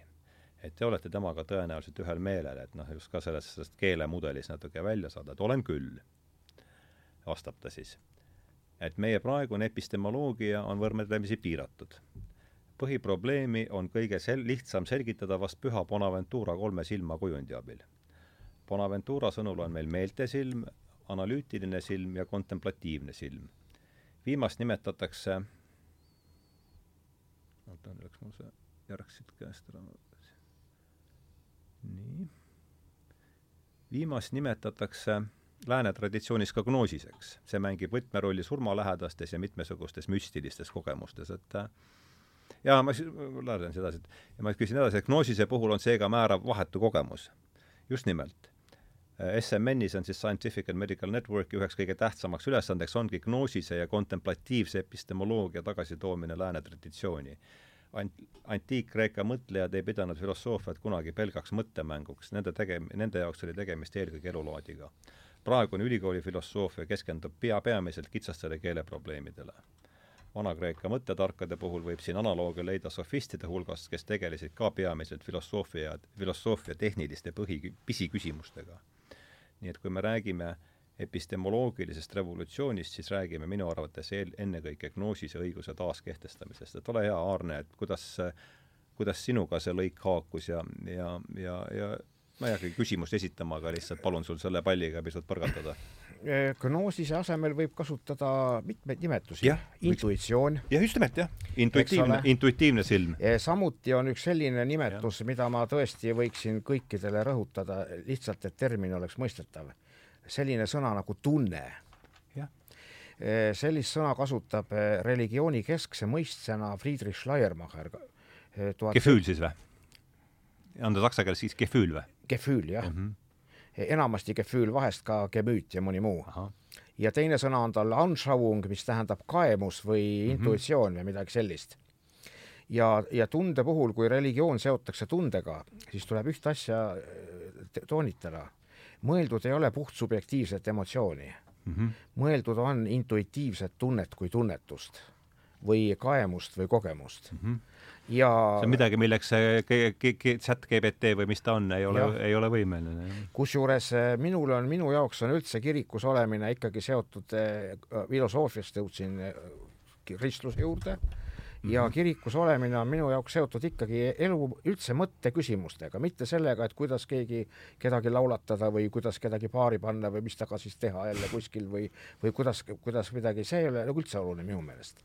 ja, ja ma olen kogu aeg mõelnud selle üle järele, ma olen näinud ju neid erinevaid inimesi, meil on Jaani kirikus, kui ma olin, näiteks ma toon ühe näite natuke kõrvalt, kaks, kaks tegutsevat ministrit käisid leeris, eri aegadel küll ja ühelt tegutsevalt ministrilt küsiti, et öeldi, et vabandage, et te meenutate seda ministrit sealt, siis ta ütles, et ma olengi see. et, et selliseid asju, et miks inimesed tulevad, mis paneb neid liikuma? Ja mul ei ole, ega ma ei tea neid asju täpselt ka, aga mis ma olen järeldanud ikka see, see intuitsioon, gnoosis sisetunne, mis ei ole ainult mhm, psüühikasisene, vaid, vaid see on niimoodi, et vaat, kui sa võtad lõpmatus, eks ole, lõpmatus on nähtamatult kõikjal, ta peab olema kõikjal, muidu ta poleks lõpmatus ta on ka minu sees, aga ta ei piirdu ainult minu sees olemisega, vaid ta on nagu mingi muu tasand. ja kui Jumalat niimoodi kirjeldatakse ja seal on, eh, seal võib tulla need inimesed, kel nagu eh, usust või religioonist midagi ei tea ja peavad näiteks usklike lollideks või niimoodi, siis tegelikult on ju ka vastupidi, et et need, kes sellest teavad ja, ja teisi peavad ka natukene piiratuteks või selleks, et siin on mingil moel on siin kommunikatsiooni küsimus ühtlasi. parem on teada, mida teine pool asjadest kogeb ja minu, minu kogemus on äh, praegu, ma muudan kohe oma arusaami, nii kui uut infot saan, lihtsalt, et kuidagimoodi me laseme oma tavalise eluga seda sisetunnet, mis tegelikult väljaspoole kaeb, kuidagimoodi blokeerida. piltlikult väljendades me katame äh, katame taevavalgust, see, et Jumal me on val-. selle Bonaventura kolmanda silma kinni. just, et, et Jumal on valgus, seda räägivad ju juba hakkame pihta, Indoeuroopa rahvaste Jumala mõisted räägivad Jumalast kui valgusest, piibel täpselt samamoodi. me paneme nagu katted ette ja seda valgust enam ei näe, siis ütleb, et pole olemas. ja siis on niisugune tore sõna kreeka keeles on nagu apokalüpsis see on eh, eh, kreeka keel, kreeka keel ja vene keel on ju mõlemad indoeuroopa keeled, eks ole, apokalüpsis on sõna-sõnalt ja etümoloogiliselt vene keeles ats graveenia. ats on apo ja kalüpsis on graveenia. see tähendab katte eest äravõtmine. et eh, kuidagi siit on niimoodi, et religiooni aetakse liiga palju segamini mütoloogiatega, mütoloogiline tekst võib vahel olla sümboolne Eh, võib olla seotud eh, just mit-, mitmes, mitmesuguste lingvistiliste asjadega ja niimoodi, aga samas mitte üksnes, vaid väljend, väljendamine, millegi rohkema väljendamine käib religioonis ja üldiselt inimesed, kes, kes sellega kokku puutuvad, ei arva, et nad kõike teaksid. Pigemini nagu need, nagu need räägitakse nendest dogmadest ja asjadest, need on nagu ütleme, liiklusmärgid et kui sa sõidad autoga, siis sa võid ju vaielda, eks ole, et mikspärast siia pandi ette mingisugune telliskivi, et tegelikult ei peaks olema, aga mingil põhjusel seda on tehtud vähemalt esialgu. ja seda dimensiooni kindlasti. Et kui me vaatame igasuguseid arvusid, siis religioossus tundub, et on kogu aeg ühtemoodi, mulle endale on sümpatiseerinud see teooria, et religioon mitte ei kao ega kasva, vaid on ühesugune võtab, võtab igasuguseid vorme, teatud inimesi on, inimesed on religioosselt andekamad, teised vähem andekad aga mingil moel seda kõik, nii nagu muusika puhul, mingil moel muusika puudutab kõiki ja, ja iga inimene on võimeline muusikat õppima, kuulama nii, et seda hingele midagi tähendab, sama asi religiooniga. ja kui see dimensioon ära jätta, siis oleme surnud maailmas, kus kaovad igasugused eh, pildid silme eest ja inimene hulluks lõpuks. Nojah, selles mõttes ma olen nagu ise seda meelt, et ega äh, religioosne või mütoloogiline, noh, nendel kogemustel tõenäoliselt ikkagi erilist erinevust ei ole. absoluutselt on. ja, ei, ma nüüd nagu ütlengi, et ma okay, nagu, okay. et, et seda, seda on väga raske tabada, selles mõttes, et nii-öelda ta on ikkagi noh, kuidas ma ütlen, võtame sellesama William Oakhami põhimõtedki, siis ega, ega see, mida hea müüt ära seletab mm, äh, teeb tõenäoliselt ka mis iganes religioon ja ega noh, kuidas ma ütlen, tunnet, see ei või tähenda seda, et mütoloogia peaks olema siis nagu sellise sära või, või, või valguse vaba. kaugel sellest, kaugel sellest, ma arvan, et, et ja selles osas nii-öelda, kui me ütlemegi niimoodi, et et need on samasugused olemise osad, noh, ma ei usu, et midagi väga valesti oleks nüüd teistpidi, äh, mis, äh, minust hakkab nüüd rääkima niisugune insener, eks ole, mhm. natukene ja lase tulla. ja, ja iseenesest ju ega noh, kui, kui, kui, kui me vaatame ühte lihtsat asja, kui me vaatame nagu selle tehnoloogia peale, mida võib nimetada pinisevateks kivideks, mille on inimkond leiutanud ja mille nimi on mikroprotsessor. ehk nagu põhimõtteliselt pinisev kivi, kivi piniseb, sa kuulad seda, dekodeerid, oskad vastu piniseda, saad aru, mida ta teeb, see on põhimõtteliselt väga kiire arvelaud. null üks, null üks, noh, nii-öelda kahendsüsteemis arvutav masin, mis on kaugel sellest, kuidas töötab meie närvisüsteem, aju ja kõik mis iganes. aga ometi sellesama lihtsa taandusega me oleme tänaks lihtsalt see kivi, pinisevaid kive nagu suuremaks teinud, pininat aina kõrgema sageduseni viinud, pannud miljoneid kivesid rööviti pinisema ja avastanud igasugu uusi asju. nüüd, ähm, kui me räägime sellisest nii-öelda noh, epistemoloogilisest revolutsioonist, siis äh, noh, need sammud, mis on lõppkokkuvõttes ikkagi tehnoloogilist laadi, siis nagu esimest sammu on kõnnitud tänaseks päevaks umbes no kümmekond aastat. sellega on kaasas käinud rida uusi tehnoloogiaid, nagu ütleme, üheraku geneetika ja muud sellised asjad, me oskame eraldada näiteks ajukoest ühe raku, uurida tema siis genoomi, klassifitseerida ta ühte või teise klassi ja üllatus-üllatus, meie sada miljardit ajurakku umbes või kuhugi sinnakanti jagunevad pealt kolme tuhandeks erinevaks rakutüübiks, millel on täiesti erinevad funktsioonid. nüüd, kui me küsime, et kas meil on olemas mingi võimekus imiteerida tänasel hetkel selle nii-öelda piniseva kiviga kõiki neid rakke oma koostoimimises, siis vastus on eitav. meil ei ole seda võimet. kui küsimus on selles, et kas me suudaksime nii-öelda luua tehnoloogiat, mis imiteeriksid seda, kuidas meie tunnetussüsteem, meie närvisüsteem toimib suhetes ülejäänud maailmaga, siis pigem on vastus jaatav. ja esimesed sammudki selles suunas on tehtud ja tegemisel ja ma arvan, et me oleme tänasel hetkel veel väga kaugel, aga ometi nii-öelda sellist noh, ma ju kujutan ette, et väga paljud inimesed, kui nad saavad raamatuist religioosseid kogemusi, siis nad saavad ka nüüdisaegsetest nii mõnestki filmistki religioosseid kogemusi ja, ja. või mängudest ja millest iganes mis on nagu inimese enda loodud ja mõjutavad inimest nendes aspektides, mis panevad inimese kuidagimoodi helisema. nii nagu paneb kunst ja muud asjad. ehk et nii-öelda nüüd ongi nagu küsimus selles, et et eh, aga seda helinat sa sinna keelemudelisse ei saa ju. ja vaata, küsimus on nagu lihtsalt selles, et, et tänane keelemudel, noh, tõepoolest, see on hale koopia inimesest, kui üldse mm. -hmm. aga nii-öelda see suundumus, mis ma lihtsalt vaatan nagu neis aspektides, mida täna suudetakse mõista ja mis nagu defineerivad võib-olla järgmise saja või kahesaja aasta jooksul arendatavate tehnoloogiate olemuse, siis ma kujutan ette, et mm, midagi väga nüüd nagu keerulist selles ka ei ole, et ette kujutada, et kui meie mikroprotsessorid ei ole enam kiired arvelauad, vaid on tõesti tuhandete erinevate funktsioonidega elementidest kokku pandud sellised üsna peened kaadervärgid, mida inimene oma masinatega oskab ehitada, siis me võime saada endale tehnoloogilise kaaslase, kes on mütoloogiline, religioosne, loov ja hoopis teistsugune. ja, ja selles osas nii-öelda see on nagu see nii-öelda fantaasia pool. sellepärast, et noh, jällegi, et ega mm, noh, ütleme, et kui, kui religioonis ei ole viha, vägivalda ja kellegi alandamist ja midagi nurjatut, siis on see lihtsalt olemise ja tunnetuse osa.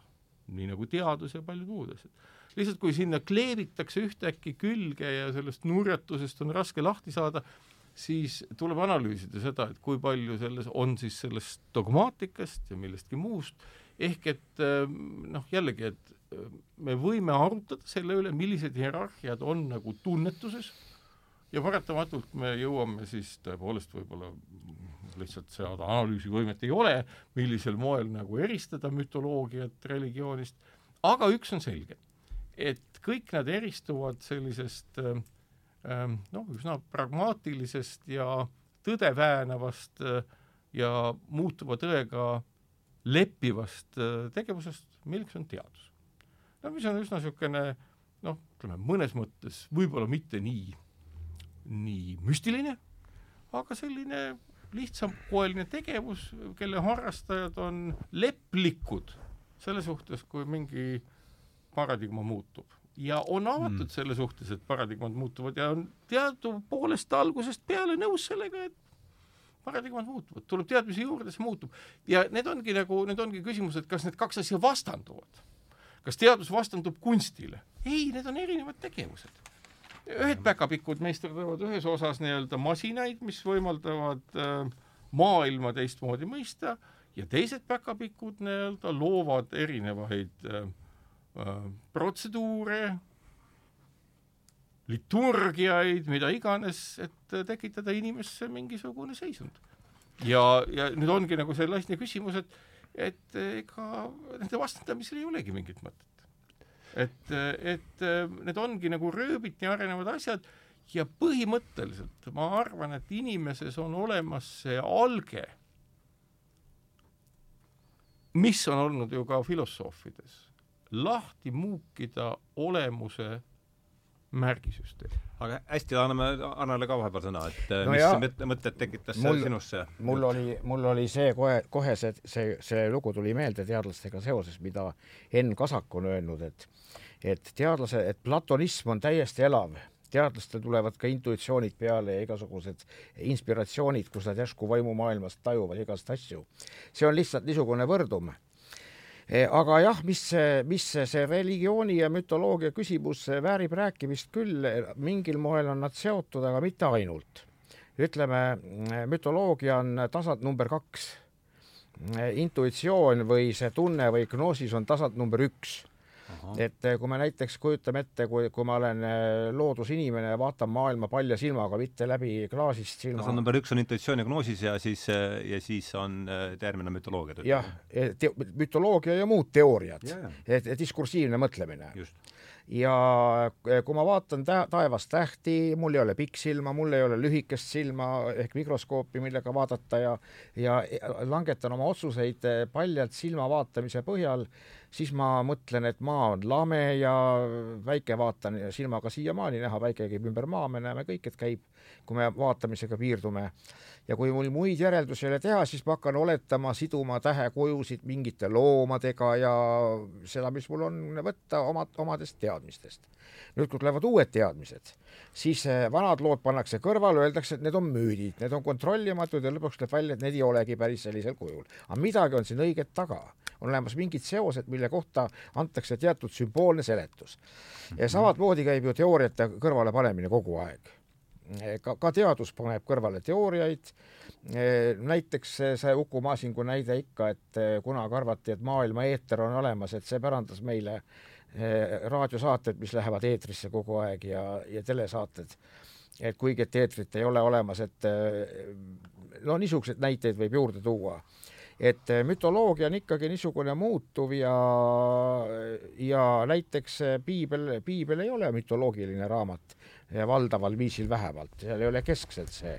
kui me võtame, vaatame näiteks eh, loodusrahvaste lugusid või võtame eriti veel kreeklaste mütoloogia, siis seal on tegemist üsna fantaasiakujudega.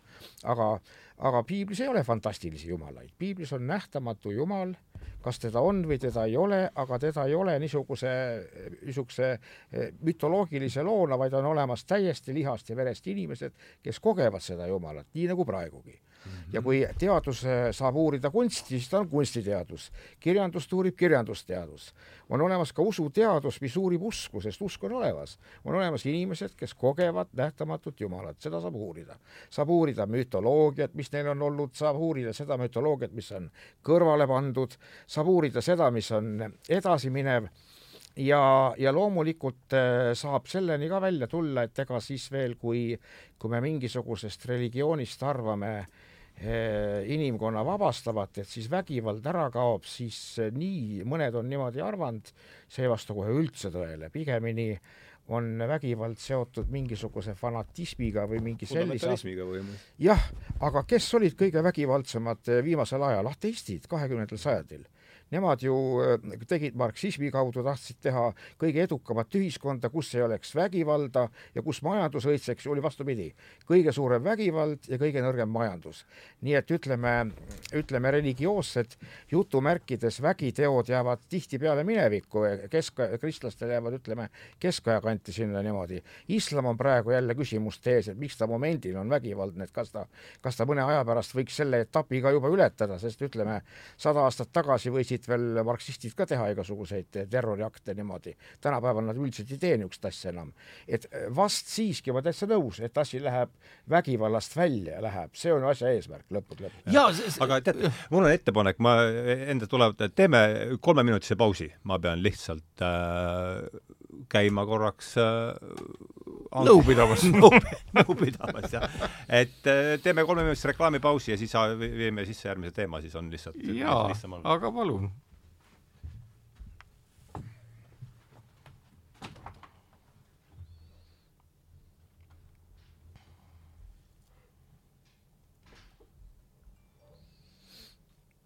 see lõigatakse välja tõenäoliselt ja ega siin ju saab kõik välja lõigata, mida ei ole vaja, aga mm. -hmm.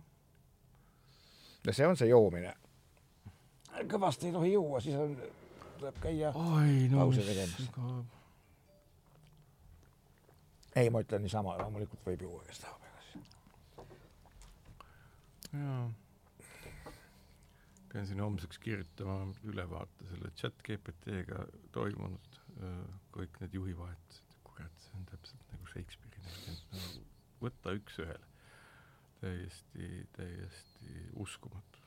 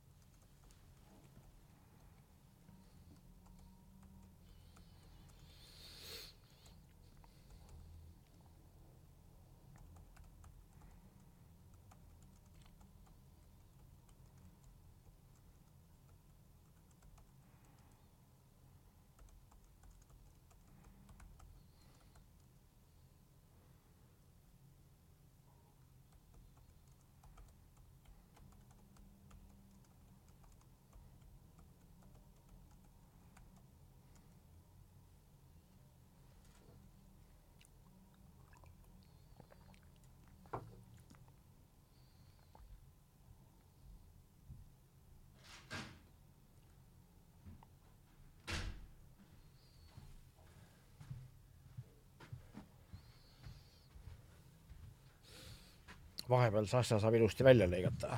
ja, ja, ja ta on niikuinii vist äh,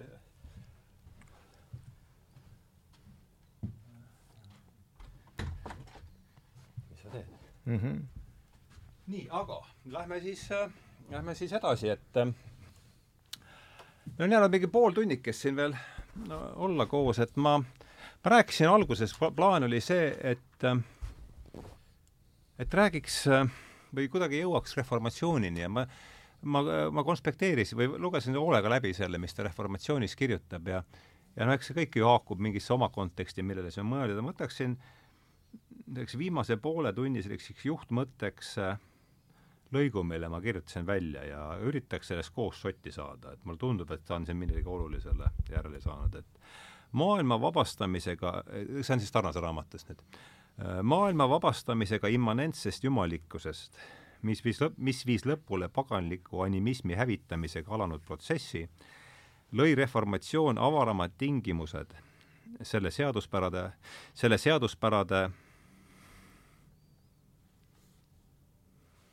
pikaajaliseks läbivaatamiseks uusaegses teaduses, ma vaatan, kas ma olen siin see omakorda avas tee järjest, järjest naturalistlikumatele käsitlustele kosmosest, alates teistlikust kaugest ratsionalistlikust loojast ja lõpetades üleloomuliku reaalsuse täieliku kaotamisega ilmalikus agnostitsismis. ühesõnaga, reformatsiooni ja huvitab mind siis reformatsiooni ja teadusrevolutsiooni seos. Descartes, ehk siis teiste sõnadega Descartes ja, ja, ja Luter, et kui me sellest äh, sellel teemal üritaksime siin võib-olla pool tunnikest äh, veel lõpus koos mõtelda, et kumb teist tahab alustada? no ma ütlen paar sõna, mitte pikalt, et äh, Feuerbach, see äh, Karl Barth, Karl Barth., keda üks, üks mingisugune paavst nimetas kahekümnenda sajandi suurimaks teoloogiks, jah, olen kuulnud seda. siis Karl Barth on juhtinud tähelepanu, et Ludwig Feuerbach, kes põhjendab ateismi arvab ekslikult, et see on tal tõestatud, tegelikult on tal võimalusena pakutud, äh, et ta tsiteerib Luterit kogu aeg. ja äh, Luter on kahtlemata väga-väga värvikas kuju juba personaalselt, ta on väga andekas muusikaliselt ja kirjanduslikult ja nii edasi mm. -hmm ja ta kuidagi sattus sellesse sõlmpunkti, kus ta kaitses puhast kristlust, tahtis pigemini kirikut äh, kus oli igasuguseid ilmalikke asju sisse tunginud tema arvates ja palju ja paljude arvates tahtis seda puhastada. aga kuna eh, ta saavutas eh, iseseisvuse, eh, paavsti võim teda maha ei saanud suruda ega, ega Saksa keisrivõim mm, -hmm. siis koos tema iseseisvumisega saavutasid ka muud tendentsid iseseisvuse ja tasapisi hakkasid tulema isikuvabadused kõigepealt eh, kelle, kelle valitsus selle usk, cuius regio eius religio, eks ole. siis tuleb edasi sammhaavalt igasugused isikuvabadused kuni tänapäevani välja, kui me räägime siin Marekiga ja teistega hierarhia, hierarhiate kuritegudest ja asjadest ja, ja niisugustest äh, asjadest, et tõepoolest, see on seotud äh, Martin Luteri ja reformatsiooni nimega kusjuures äh, kusjuures ka seda olen ma õppinud ammu teoloogias, et kristlus vabastas eh, maailma äh, selle, et maailma looduse, vot see võib just huvitada ka, et et eh, kristlus tegi looduse uurimise vabaks. loodus ei ole jumalik, vaid jumala loodud, loodut võib inimene uurida. Ja see pani aluse tehnilisele tsivilisatsioonile. mina olen saksa teoloogidelt õppinud niisuguseid asju alates kaheksakümnendatest aastatest ja nad on kirjutanud sel teemal eh, vähemalt üle saja aasta tagasi hakanud kirjutama. Eh, et kristlus tegi, pani aluse Kreeka filosoofiast üksi ei aidanud, vaid kristlus tegi lahti sellise arengu samal ajal muidugi tuleb kriitika, et siit tuleb looduse lagastamine ja niisugune asi see tuleb muidugi ta, Platonist. oota, las ta nüüd lõpetab ikkagi ei, ei, võib võtta, võib alustada Platonist, võib alustada Platonist, aga eh, siin on ka see, siin on ka see külg olemas, et ma olen vaadanud neid arutlusi vahest sekkunud Facebookis ja kirjutanud paar rida. Eh, piibel, piibel käsib hoida loodut mm. -hmm. piibel, mitte mingisugust lagastamisõigust ei ole, inimene pandi, seda üldiselt Eedeni aia olukorda võetakse kujundliku kirjeldusena, see on kõige levinum arusaam. inimene pandi Eedeni aeda harima ja hoidma valitsege looduse üle, mis on esimesel piibli leheküljel, tähendab, täpsustab, kuidas valitsemine käib, täpsustab teine lehekülg, valitsemine tähendab harimist ja hoidmist. koerad, meie teadaolevad koerad, sääsed ja teod ei tegele universumi probleemidega ega sellele, kuidas loodust kaitsta. Nad elavad ja surevad välja, kui halvad olukorrad on. inimene teab sellest tema mõtleb sellele, inimene on ühte otsapidi looduses, teist otsapidi on ta loodusest kõrgemal ja üle, sest aju ja teadvus on teinud tohutu hüppe võrreldes ahviga. meie probleemid ei jää looduse sisse, vaid on palju suuremad ja see, ja see tähendabki, et ongi võimalik loodusesse kahesugune suhtumine. loodus ei ole jumal, vaid jumala loodud. lõplik tuleb lõpmatusest, ajalik tuleb igavesest. ja seda sa võid kasutada, aga hea peremehelikult, harides ja hoides, mitte lagastades. aga see võidakse segi ajada ja hakata lagastama, see ei tule piiblist, vaid see tuleb piiblist mööda minnes. ei, ega mis mul öelda, et noh, kui me võtame ju no, no rääkides religioonist, me, me ei saa ühelgi moel nii-öelda mööda ekstremismist mm.. ja noh, kui me võtame äärmuslased, ükskõik millise religiooniga seotud, olgu see islam või ka kristlus, siis ega nende ju teke, nii palju kui näiteks äh, nüüdisajal mõistetakse ja ma arvan, et see on olnud kogu aeg niimoodi, et äärmuslus ei tulene mitte uskujatest vaid pigem hoopis teise olemistüübiga inimestest, et äh, need islami ekstremismid nagu see on ikka fundamentalism või midagi fundamentalism jah, et nagu selle äh, suunda värvatud ei ole ju enesetapu terrorist ei ole ju inimene, kes käiks mošees palvetamas. ta on üksik ja teda õnnestub värvata selle tõttu, et ta on üksik ja tal on vaja identiteeti, mis talle siis ka lavastatakse. Kui me võtame ajaloo, siis jällegi, et ega äh, kristlus tekstina või mis iganes religioon tekstina ei tee ju midagi. teevad inimesed, kes ühel või teisel moel, seesama asi, millest me alustasime, on see, et võimu atribuudiks on võime pidada sõda ja osata kasutada teksti ja nii ma kujutan ette, et näiteks ega Rooma riigi langus ja kogu see laastamistöö, mis seal aset leidis, ega see leidis küll tõenäoliselt aset nii-öelda kristlusele viidates, aga mitte tekst ei teinud seda, vaid inimesed, kes äh, olid kaasatud seadmaks võimu nii-öelda olemas olnud kultuuri üle selle tõttu, et sealne valitseja oli vastu võtnud ristiusu ja siis tekkis nagu õigus toimetada ka võimuga ja ma ei arva, et reformatsioon või ristiusk juhatas meile sisse ikkagi tehnoloogilise ajastu, sellepärast et äh, see oli olemas juba Rooma riigi lõppedes. ja pigem nagu see hävitati ja noh, õnneks on inimese olemus see, et ta on jonnakas, et sõltumata sellest, mis on juhtunud, ta ikkagi taastab oma sellise arusaama, uudishimu teeb meeletut tööd ja hierarhiad takistavad seda, no ühel või teisel moel, noh ega näiteks olen külastanud äh, Xiani linna Hiinas, kus on, kus on siis teadupoolest needsamad terrakoota sõdalased, eks ole.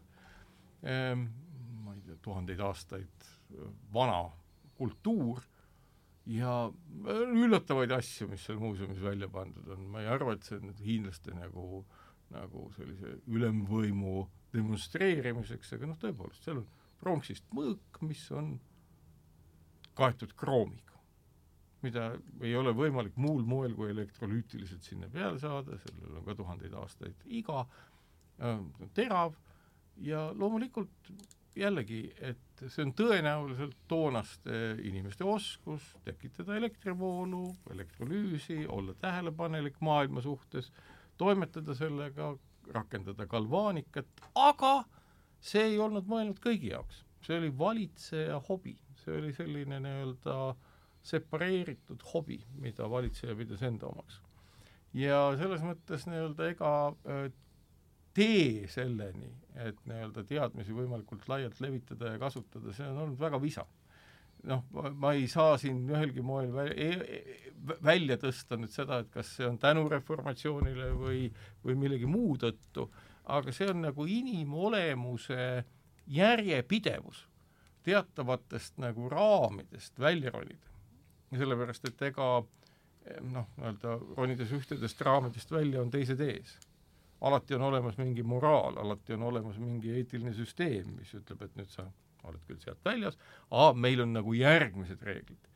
ja no see, see on kuidagi nagu seesama inimese olemuses olev tendents nagu püüda välja rabeleda, aga see ei ole alati nagu noh, mingil hetkel oli see, eks ole, pöörane, nii nagu sa tõid näite sellesama marksismiga, mis, mis on ju ka põhimõtteliselt omalaadne religioon. sekulaarne religioon. täiesti hullumeelne, eks ole, ettekujutus ja. inimesest ja inimese olemusest, noh, nii nagu me saame öelda ka seda, et tegelikult ju majandusprotsesside pettekujutelm on sajandeid inimesi lollitanud, arvates, et noh, inimene teeb majandusotsuseid millegi tõttu ratsionaalselt ja arvutades.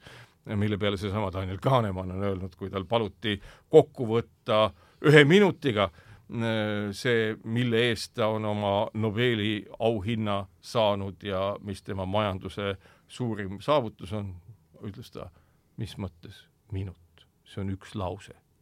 inimesed ei tee kunagi seda, mida nad väidavad, et nad teevad. ja, ja, ja, ja selles mõttes selline, selline pürgimus teadmiste poole on nähtav ja mul on raske nagu ette kujutada, et noh, ütleme jällegi, et, et mis juhtus reformatsiooni järel. reformatsiooni järel oli Euroopas üsna verine sõda. jah, sada viiskümmend aastat siis. ja, ja, ja see sõda kestis väga pikalt, see oli väga salakaval ja selles mõttes nii-öelda jällegi, kuna inimesel ei ole oma olemuses kõrvalvaadet, noh, me võime öelda, et sa pead millessegi uskuma, noh, et nagu, et me oleme paika pannud mingid liiklusmärgid, ütlesid sa, eks ole, et noh, et kuhu tasub minna ja kuhu ei tohi minna. Nendest liiklusmärkidest ei ole abi, kuna inimene ise on väga dünaamiline ja selle tõttu meil ei ole kedagi, kes meile ütleks, mida me nüüd tegema peame, sellepärast et äh, kolmekümne aastane sõda, katoliiklased sõdisid äh, protestantidega. protestandid omavahel.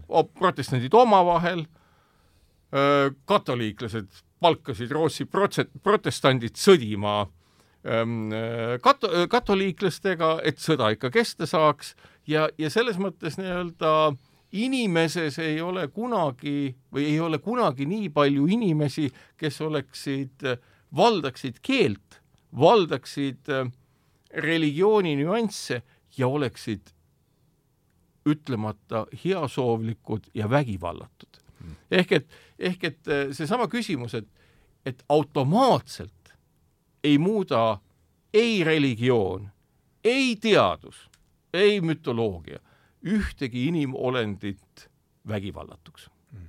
ja, ja, ja, ja küsimus on pigem nagu selles, et me võime nagu inkrimineerida alati, keegi võib tulla ja öelda, et oh, et vaadake, reformatsioon, niisugune vägivald millised sõnad, millised järelmid, kuidas Adolf Hitler pühitses sisse Martin Lutheri arusaamad, mis kõik juhtus. sama hästi võib keegi tulla, öelda, kuulge, Oppenheimer, kes iganes, tuumapomm ja nii edasi, ehk et, ehk et ma arvan, et küsimus vägivallast ja nurjatusest on inimkonnale olulisem ja siin ongi vaja mingit moodi, mitte et nüüd idealiseerida, et selline igavene rahuriik on võimalik, aga me peame aru saama vägivalla tekkemehhanismidest ja need ei ole pelgalt religioossed, need on milleski, millest me pole tänaseni üdini aru saanud. ja, ja see on nagu peamine. vaadates sõda Ukrainas, vaadates sõda Iisraelis, see on peamine, millega me peaks kuidagi toime tulema Mm -hmm. täitsa nõus selle vägivalla suhtes ja ütleme, sama Ukraina ja Iisraeli sõda, no mis majanduslikud põhjused seal on? Null. Seal on puhtalt muud põhjused, mis põhjusel on Iraani, Iraanil vihata Iisraelit majanduslikult seal on hoopis muud põhjused või et, et, et kas venelasel ei ole muud vallut, muud kui Ukrainat vallutada, ei, ei, siin on ikka muud maailma nägemised, mis seda asja initsieerivad, majalik, majanduslikult küll see kasulik ei ole. see on täiesti selge. mis puudutab muidugi sellesse, et refo-, et kristlus ja reformatsioon olevat nüüd tehnilise arengu lausa ukse lahti teinud, mina ka ei võta võta seda päris nii otse, ma, ma nimetasin saksa autoreid, keda ma olen lugenud ja, ja kusjuures nad on ise ka kriitilised, et kas see päris nii on. kindlasti siin on eh, midagi õiget ja no üks fakt on see, et, et eh, juhtus nii, et Germaani maad võtsid vastu re üldiselt reformatsiooni eh, Saksamaa, pool Saksamaad, Inglismaa ja Suurbritannia ja Skandinaavia Šveits, nendes maades tehti tehniline tsivilisatsioon, moodne demokraatia tehti just nendes maades. et kuna niisugused faktid on olemas, siis püütakse seletada, et kui palju üks või teine asi võis kaasa mõjuda ja mingil määral kindlasti mõjus aga mis, mis on nagu mulle rohkem muljet veel avaldanud, on võib-olla see, et sakslased ja keskeurooplased, nagu mujal kirjutatakse, peavad uusaja alguseks Luterit sest eh, kui me räägime mhm. Kolumbust, see on ju lihtsalt maailma avardumine, aga see nagu hinges ei muuda eriti midagi.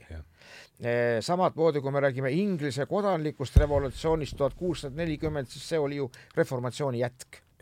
See, kus toimus keskaegse ühise süsteemi murdumine, oli, oli see Luteri asi, et Luterit ei suudetud vaigistada, vaid ta lõi mõra sisse ja see mõra hakkas taba, tasapisi lahenema jälle mõttetu vaielda, millal see uus aeg algas, seda võibki võtta mitmel viisil, aga, aga ma olen ikka toonud ära, et see viis seda näha alates Luterist on eh, täiesti mõttekas. Jah, ma, ma arvangi, et siin, millele ta siin viitab, on seesama, mm, et Luter valmistab pind, pinda ette Descartesile sellega, et ta ja. tõmbab jumaluse ära immanentsist ja vii-, viib ta ära siis ja. puhtalt transcendentsi ja see võimaldab siis Descartesil vaadata kogu seda kõike, mis jääb inim siis teadvusest väljapool, ka arvast-, kaasa arvatud keha, sellise hiiglasliku äh,, kellavärgina, sest noh, tol ajal tulid ju eks need plane-, planetaariumid uni- või siis no. kosmose no, mehaanilised mudelid, et, et ma, et ma arvan, et see on see koht, mis ta ja seesama, et mm, et et Aquino Toomase teoloogia oli kristlik, see mõte, mis mulle meeldis, oli, ma ei tea, kus ma selle Sölderegilt olen, et et Aquino Toomase teoloogia oli kristlik animism, et sellele, sellega tegi, selle, sellele, selle lõpetas Luter ära, et noh, et lihtsalt selgituseks, mis ma siin arvan, et võib-olla saate siin panna juurde, et ma tõesti tahaks teada, et mis te sellest, mis te sellest arvate, sellest.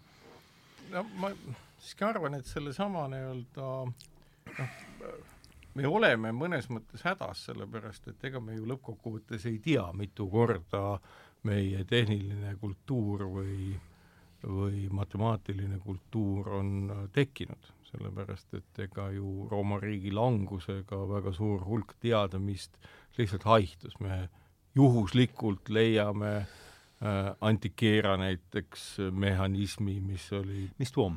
antikeera mehhanism, see oli äh, Kreeka saarestikust leitud siis selline planetaarne mehhanism, mis tõenäoliselt oli esimene analoogarvuti, mis on meil tänase päevani säilinud, kunagi tuhat üheksasada kopikatega ta sealt leiti ja see masin ise on dateeritud ikkagi kuhugi sinna vist kristluseelsesse aega või kristuseelsesse aega.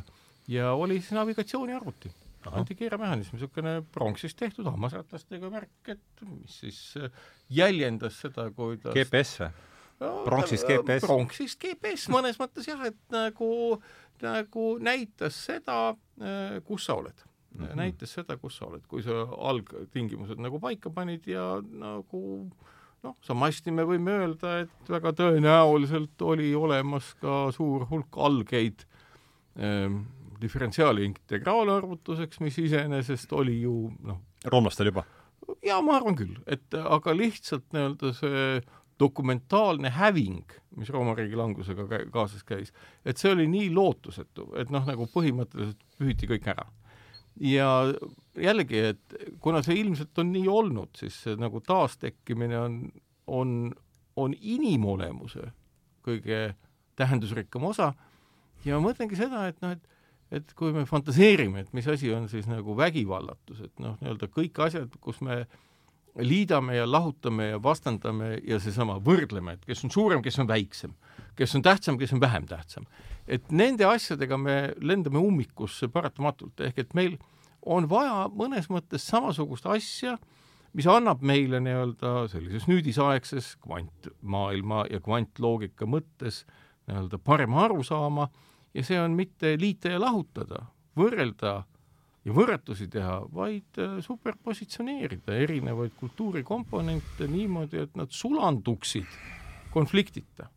ja ma ei tea, kui pikk aeg kulub selleks, et nii-öelda mõistete ja memeetiliste süsteemide superpositsioonid muutuvad meie olemise paratamatuks osaks, kus ei vastanduta kogu aeg ja ei öelda, kes oli ennem ja kes oli pärast, vaid see kõik on sellise nii-öelda mõistmise tervikosa, ma väga loodan, et see on võimalik ja, ja ega mul muud lootust ei ole, sellepärast et kõik muud puhud, kui keegi tuleb, ütleb, et noh, iga meelevald, iga meelevald on ju tegelikult äh, selles mõttes ju hukualus, et ühtepidi minu meelevald võib öelda mulle, mis on universumi serval, no keegi ei pahanda selle pärast.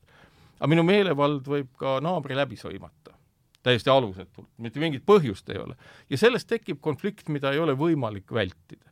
Meie keelekasutuses tekib nii palju nii-öelda noh, nii-öelda parandamatuid olukordi, mis, mis ongi ju see, mille käes me kannatame. asjaolu, et venelased on välja mõelnud omaenda ajaloo ja mingisuguse nähtuse russki mir, on ju see, ja nad on vaenanud nii-öelda teisi slaavi rahvaid pikka aega, öeldes, et meie olime esimesed, meie oma on kirillitsa ja nii edasi, nii edasi. Ehk et see, see väärkultuur, mis elab, noh, väär selles mõttes, et üldse valedel alustel välja mõeldud, müütiline kultuur mm, -hmm. et selle käes me ju kannatame. ja noh, kas me nüüd liigume jälle järjekordse sellise nii-öelda õige-vale asja suunal või meil on võimalik kuidagimoodi märgisüsteeme ja kultuurisüsteeme sulandada, sealhulgas ka mütoloogilisi, teaduslikke, religioosseid, kuidas me iganes neid nimetame, no selles mõttes, et ega inimese olemus selles mõttes ju ei muutu, et kui inimene näeb midagi teistmoodi ja tunneb midagi teistmoodi, siis see on üsna olemuslik ja kuidagi tuleb sellega toime tulla, sellepärast et kui me hakkame neid vastandama, siis me olemegi hädas. Arne, midagi lisada, kommenteerida, enne kui jõuame äh, viimase? jah, ütleme, ütleme, mis Venemaasse puutub, siis ma olen, noh, mis mina olen, me kõik oleme mõelnud selle üle, mis siin praegu toimub ja nagu põhiline olen ma jõudnud ka ma ei tea, jumal on mind saatnud vist siia, jumal teadis, et Marek tuleb ja et Marek ei salli vägivalda ja mina ka ei salli ja mina tegelikult ei salli ka võistlusi üldse. ja siis, et Marek vist jumalast väga palju ei räägi, aga mis siis, polegi vaja rääkida. ja, ja tähendab äh, mina ka ei salli võistlusi ja ma ei salli ka seda, kus kogu aeg, et kes peab teisest üle olema niimoodi, ma, kui ma üldse seda, sellest rääkinud, siis rohkem nagu seda aspekti tuues, et mingil moel see toimib, aga see peab ilma vägivallata toimima. see peab püüdma, et ilma halvustamiseta toimib nii palju, kui see võimalik on. ja lõppude lõpuks ju russki mirr, et iga rahvas arvaku endast, mis tahab, kuni ta teistele kurja ei tee tähendab, ükskõik, mis see noh, et minu jaoks jääb natukene hämaraks, mis see Venemaa müüt äh, täiesti on, et seal on müütilised asjad juures, aga noh, et kui nad loevad oma algust Novgorodi, Jurikuga ja Kiieviga, kes seda keelab? Et noh, et Aa, venelased ei loe, selles ongi asi. moskoviidid ei loe seda, nad mõtlevad uue mingi narratiivi välja. nojah, ei no siis on jah teine asi, kui nad, seda ma isegi ei tea. aga, aga noh, ütleme see traditsiooniline, kui sa seda niimoodi võtad, siis kellelegi midagi ei tee, siis palun väga aga noh, see, mis sa nimetasid, see kristlik animism, mis Aquino Toomasel, see tõrjuti kõrvale, siis see, mis minul tõmbab tähelepanu, on kohe, see ei ole teoloogiline termin see tuleb mujalt ja see teeb mulle head meelt, siis järelikult tegelevad ka filosoofid niisuguste küsimustega. Ma usun jah, et see ei ole teoloogiline, aga väga huvitav, jätka. sellepärast, et animism no, on Sheldrake'ilt ma võtsin selle, jah. Ja, ja, siit käib ka läbi see. aga Sheldrake on, Sheldrake on, minul jäi see nimi nimetamata, minul on ta väga hea lugemine olnud. ma suhtun psühhoteelikumitesse ettevaatlikumalt, palju ettevaatlikumalt, aga aga põhimõtteliselt Sheldrake jagab teoloogilisi küsimusi, filosoofilisi küsimusi, oskab hästi selgelt arutada ja paljudest asjadest kantu, kattub minu kogemusega, pilgutunnetus näiteks ja niisugused asjad mm. -hmm ja kristlik animism, selline nimetus on selles mõttes tabav, et, et ikkagi vaimumaailm ei ole, ei piirdu ainult jäigalt teispoolsusega mm, -hmm. vaid vaimumaailm on rohkem seotud loodusega see on nagu animismi puhul eh, esile toodud ja, ja selline oli keskaegne maailmapilt küll. Mm -hmm.. kusjuures äh, ei tohi unustada, et inimesed ju siiamaani kogevad tonte, kummitusi äh,, igasuguseid asju, küsimus on ainult, kuidas seda kogemust mõista. jah. Marek? Oi, ega mis mul siin ikka kogeda, et ega nii-öelda nagu ma ka siin tõdesin, et vägivallatusel on väga mitu mustrit. noh, nii nagu elu mõistmisel ongi väga palju erinevaid võimalusi ja noh, nii-öelda kas äh,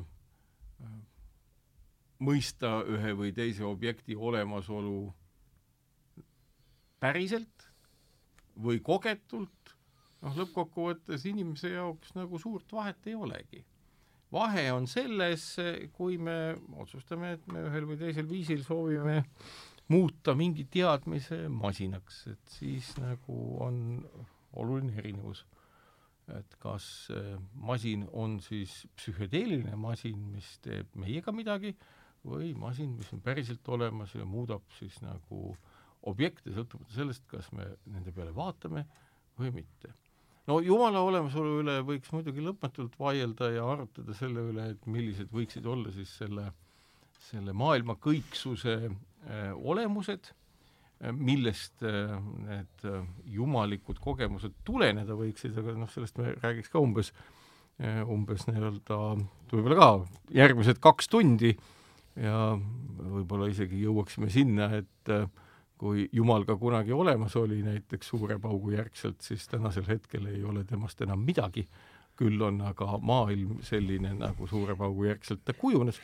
aga Se, selle peale peab kohe küsima, milline see Jumal siis oli, kes keda enam ei ole, kuidas seda äh, kujutleda? tema oli, kui nüüd lõpuks võib nagu äh, isu tekitaja pakkuda, et siis see Jumal oli üsna sellise kvantmehaanilise nähtuse kujul ja selleks ei olnud mitte midagi muud, et kui me arvame, et äh, kõik äh, maailma osakesed suures paugus tekkisid, siis on üks nagu periood, kus äh, nimetatakse inflatsiooniks, mhm. kus kõik need osakesed lendavad äh, hüpoteetilise keskosa poolt meeletu kiirusega väljapoole. ja, ja see on äh, termodünaamilises mõttes selline olek, kus kõik osakesed on tekkinud ühest allikast. Nad on kvantmehaanika loogika järgi omavahel kvantpõimitud ehk piltlikult öeldes, nii nagu me seda täna mõistame, on universumi tekke hetkel üks periood, kus kõik osakesed on omavahel sellises seoses, nagu me unistame ehitada täna kvantarvutit. sellepärast, et neil külgsuunas omavahel, tänu sellele, et ühes suunas on kiirus meeletu, mingit vastasmõju ei ole, ja siis eksisteeribki väga lühikest aega väga võimas meie mõistes arvutussüsteem, mis tõenäoliselt on suuteline muutma kõikvõimalikke seoseid, sellepärast et meile tundub, et universum on ennast häälestanud kuidagi õigesti.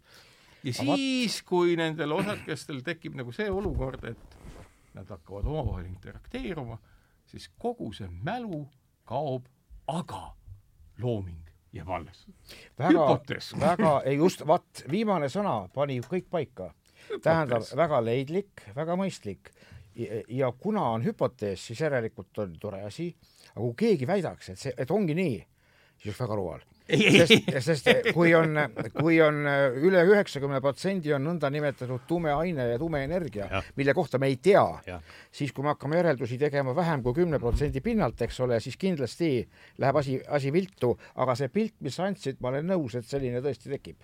Ja, ja aga, aga, aga ka sellel hetkel oli olemas ka kogu see nii-öelda tumedat ainet tekit-, ühesõnaga, see on nagu hüpotees, ehk et see ongi mm -hmm. nagu teadlase lähenemine sellele, et kui see võiks olemas olla, siis millal ja millisel moel see oli, aga veel kord, see on hüpotees. just, aga ma teeks ju ka ühe, ühe, ühe õrritamise väikse. no palun mm. -hmm. muide, mina loen ajuteadlasi ühte, teist ja kolmandat. teadlasi, ajuteadlasi, samuti see Harari ajaloolane, kes ütleb, et ateist on ja väidab ja tunnistab puhtsüdamlikult üles, et teadus on igasuguseid asju avastanud, väga kõvasti edasi arenenud, aga seniajani pole mingisugust selgust, mismoodi aju teadvust tekitab mm. -hmm. nii, aga nüüd mina ütlen ühe lause mm, -hmm. kallid teadlased, eh, kuna eh, religioon on kogu aeg väitnud, et aju ei tekitagi teadvust, vaid tekitatakse väljast, lõpmatust vaimust tekitatakse meie lõplik vaim ehk teadvus, siis eh, kuna see pole ümber lükatud, siis me jääme selle juurde. jah, vot siin ma, ma jään hätta, aga iseenesest äh, ajuteadus on teinud tohutu hüppe just viimase viie-kuue aasta jooksul ja see hüpe puudutabki seda, et me oleme aju funktsionaalsuse suutnud lahti murda ja aru saada sellest, et ossa poiss, hiireaju ja inimese aju ja kõik nad tekivad enam-vähem lähedaste motivatsioonidega, millega väga paljud, noh, sünnimomendil ja nii-öelda geneesi momendil äh,, embrüogeneesi ja, ja loote arengu, et mille tõttu me oleme üsna sarnased ja lihtsalt erineme selle poolest, kui palju ja keerukaid seoseid me suudame nii-öelda hoomata. aga jälle, see on hüpotees. selles mõttes, et äh, nüüd ongi erinevad asjad, et ühelt pidi on väide, et asjana iseeneses langeb väline vaim aju peale ja muudab selle inimeseks. ja teine pusserdamine käib selles suunas, et vaatame siis veel detailsemalt ja veel detailsemalt ja vaatame, kas me oskame ehitada masinat, mis oleks samasugune nagu aju ja mida me tõepoolest ei suudaks ajust enam eristada ja tunnetusest eristada. ja nii ongi, et nagu nii kaua, kuni suudetakse liikuda rahulikult mõlemas suunas, on kõik täiesti okei okay sel hetkel, kui ähm, nii-öelda sellest jumala vaimust vaimustunud hakkavad vaenama neid, kes ütlevad, et no proovime ikka ehitada aju kui masinat, nii lendab kõik vastu taevast aga kena, me oleme peaaegu, ma loeks lihtsalt ühe mõtte ette, mis on pakkunud mul kaks aastat siin niimoodi juurdlemist äh, ja see on Karl Jupp, pärineb Karl Gustav Jungilt, et või niisugune lühikene kommentaar sellele võib-olla. et kui dissatsiooni kalduvused poleks meie hingele omased, siis poleks autonoomsed psühholoogilised süsteemid kunagi iseseisvunud. teiste sõnadega, vaim ega jumalaid poleks kunagi tekkinud see on ka põhjus, miks meie ajast on nii täielikult kadunud pühadustaju, miks see on muutunud nii ilmalikuks. meil puutub, meil puudub igasugune teadmine alateadlikust psüühest ja see on nüüd see koht, mis mind puudutab, seetõttu vannume vankumatut truudust teadvuse sektile meie tõeline religioon on monoteistlik teadvus, see on haaranud meid üleni oma võimusesse ning me eitame fanaatiliselt igasuguseid omaette eksisteerivaid autonoomseid süsteeme, nii et pigem see lõpp, et ma, see esimene oli lihtsalt äh, mingi, mingil määral võib-olla kontekst. aga et just see lause, et meie tõeline religioon, väidab siis Jung kusagil viienda aasta alguses, on monoteistlik teadvus, ma arvan, see on siis monoteistic consciousness see on haaranud meid üleni oma võimusesse ning me eitame fanaatiliselt igasuguseid omaette eksisteerivaid autonoomseid süsteeme. kui haakuda sellega, tekitab mingid mõtted, on hästi, kui ka ei ole, siis ma saan aru, et see tuli, ma olen selle ise üle siin niimoodi minu masin. nuputanud äh, aastat paar, et mida see võiks tähendada, aga et kas tahab keegi öelda selle kohta komisjonis? ma, ma võin lühidalt nagu kommenteerida, mida ilmselt äh, võib-olla Jung silmas pidas ja äh, ja, ja see ongi ju seesama asi, et äh, me, me oleme ja noh, Jungi ajal loomulikult äh, oldi närvisüsteemist äh, veel vähem ettekujutust omavana mõtlemas selle peale, mis on teadvus ja alateadvus, no siis tänasel hetkel ikkagi me märkame ju mida, et nii-öelda see, mida me teadvustame, see, mida me teadvustame, noh, mille puhul me ütleme, et meile tundub, et me saame mingitest asjadest aru, nüüd väljaspool seda arusaama on terve rida kõikvõimalikke perifeerseid, vegetatiivseid ja muid nii-öelda närvisüsteemi protsesse, mille mahud, mille energiavood, mille informatsioonivood on tegelikult meeletud. kui me võtame kas või nagu uitnärvisüsteemi, noh, mida me ju ei pea teadvuse osaks, see on ikkagi noh, nii-öelda mingi regulatoorne, siis tegelikult see regulatoorsus on niivõrd mitmeplaaniline et äh, ja noh, ei ole organismis kohta, kus ei oleks seotud nii-öelda närvivõrke ja nii edasi, nii edasi, ehk et äh, alateadvuslik, noh, me ei jaksakski kõike ju teadvustada, me ei peagi kõike ju teadvustama selles mõttes, et meil ongi teadvustamiseks olemas oma mehhanism, milleks on kultuur, keel, matemaatika, kogu see asi, millega me saame asju teadvustada. Ja kogu see alateadlik tunnetus, see kõhutunne, noh, ütleme, kui me võtame kas või selle mingisugusest peaaegu kahesajast tuhandest närvikiust koosneva kimpude süsteemi, mis on, mis on meie uitnärv, mis reguleerib niivõrd paljusid asju. Ja küsime, et no kas selles võiks olla mingi kõhutunne või alateadvus, siis loomulikult. See on sensoorne süsteem. meie sensoorik on lõputult mitmekesisem kui, kui meie, meie tekstiline äh, teadvustatud kultuur no,. millele, millest me enne mõne aega tagasi rääkisime. nii et, nii et noh, nii-öelda puhtalt äh, arvutades ja vaadates, kui palju on kusagil sensoorseid rakke, rääkimata sellest, et mitte ainult noh, siis nagu närvirakke, vaid ikkagi organism tervikuna on ju sensoorne lõppkokkuvõttes Eh, kõikvõimalike retseptoritega, lihaste ja funktsionaalsuse kaudu, siis, eh, siis eh, noh, selles mõttes nii-öelda alateadvuse eraldi käsitlemine või selle eitamine nüüdismaailmas oleks noh, pehmelt öeldes veider. aitäh. Arne, viimane. nii et tee on vaba, nii nagu, nii nagu David Bentley Hart oma raamatus Jumala kogemus juhib tähelepanu, et Jumala all pole kunagi mõeldud äh, läbi löönud äh, kompetentsetes seisukohtades mingit naljakat mütoloogilist kuju, vaid alati on tegemist absoluudi ja selle kommenteerimisega. nii et äh, kui kommentaarid võivad ka erineda, siis mingi asi võiks tõesti olla tänapäeva hariduse raames selge, et mõttetu tülitseda asjade üle, mis ei vääri üldse mingit tüli ja vaielda asjade üle, mille üle tegelikult pole midagi vaielda.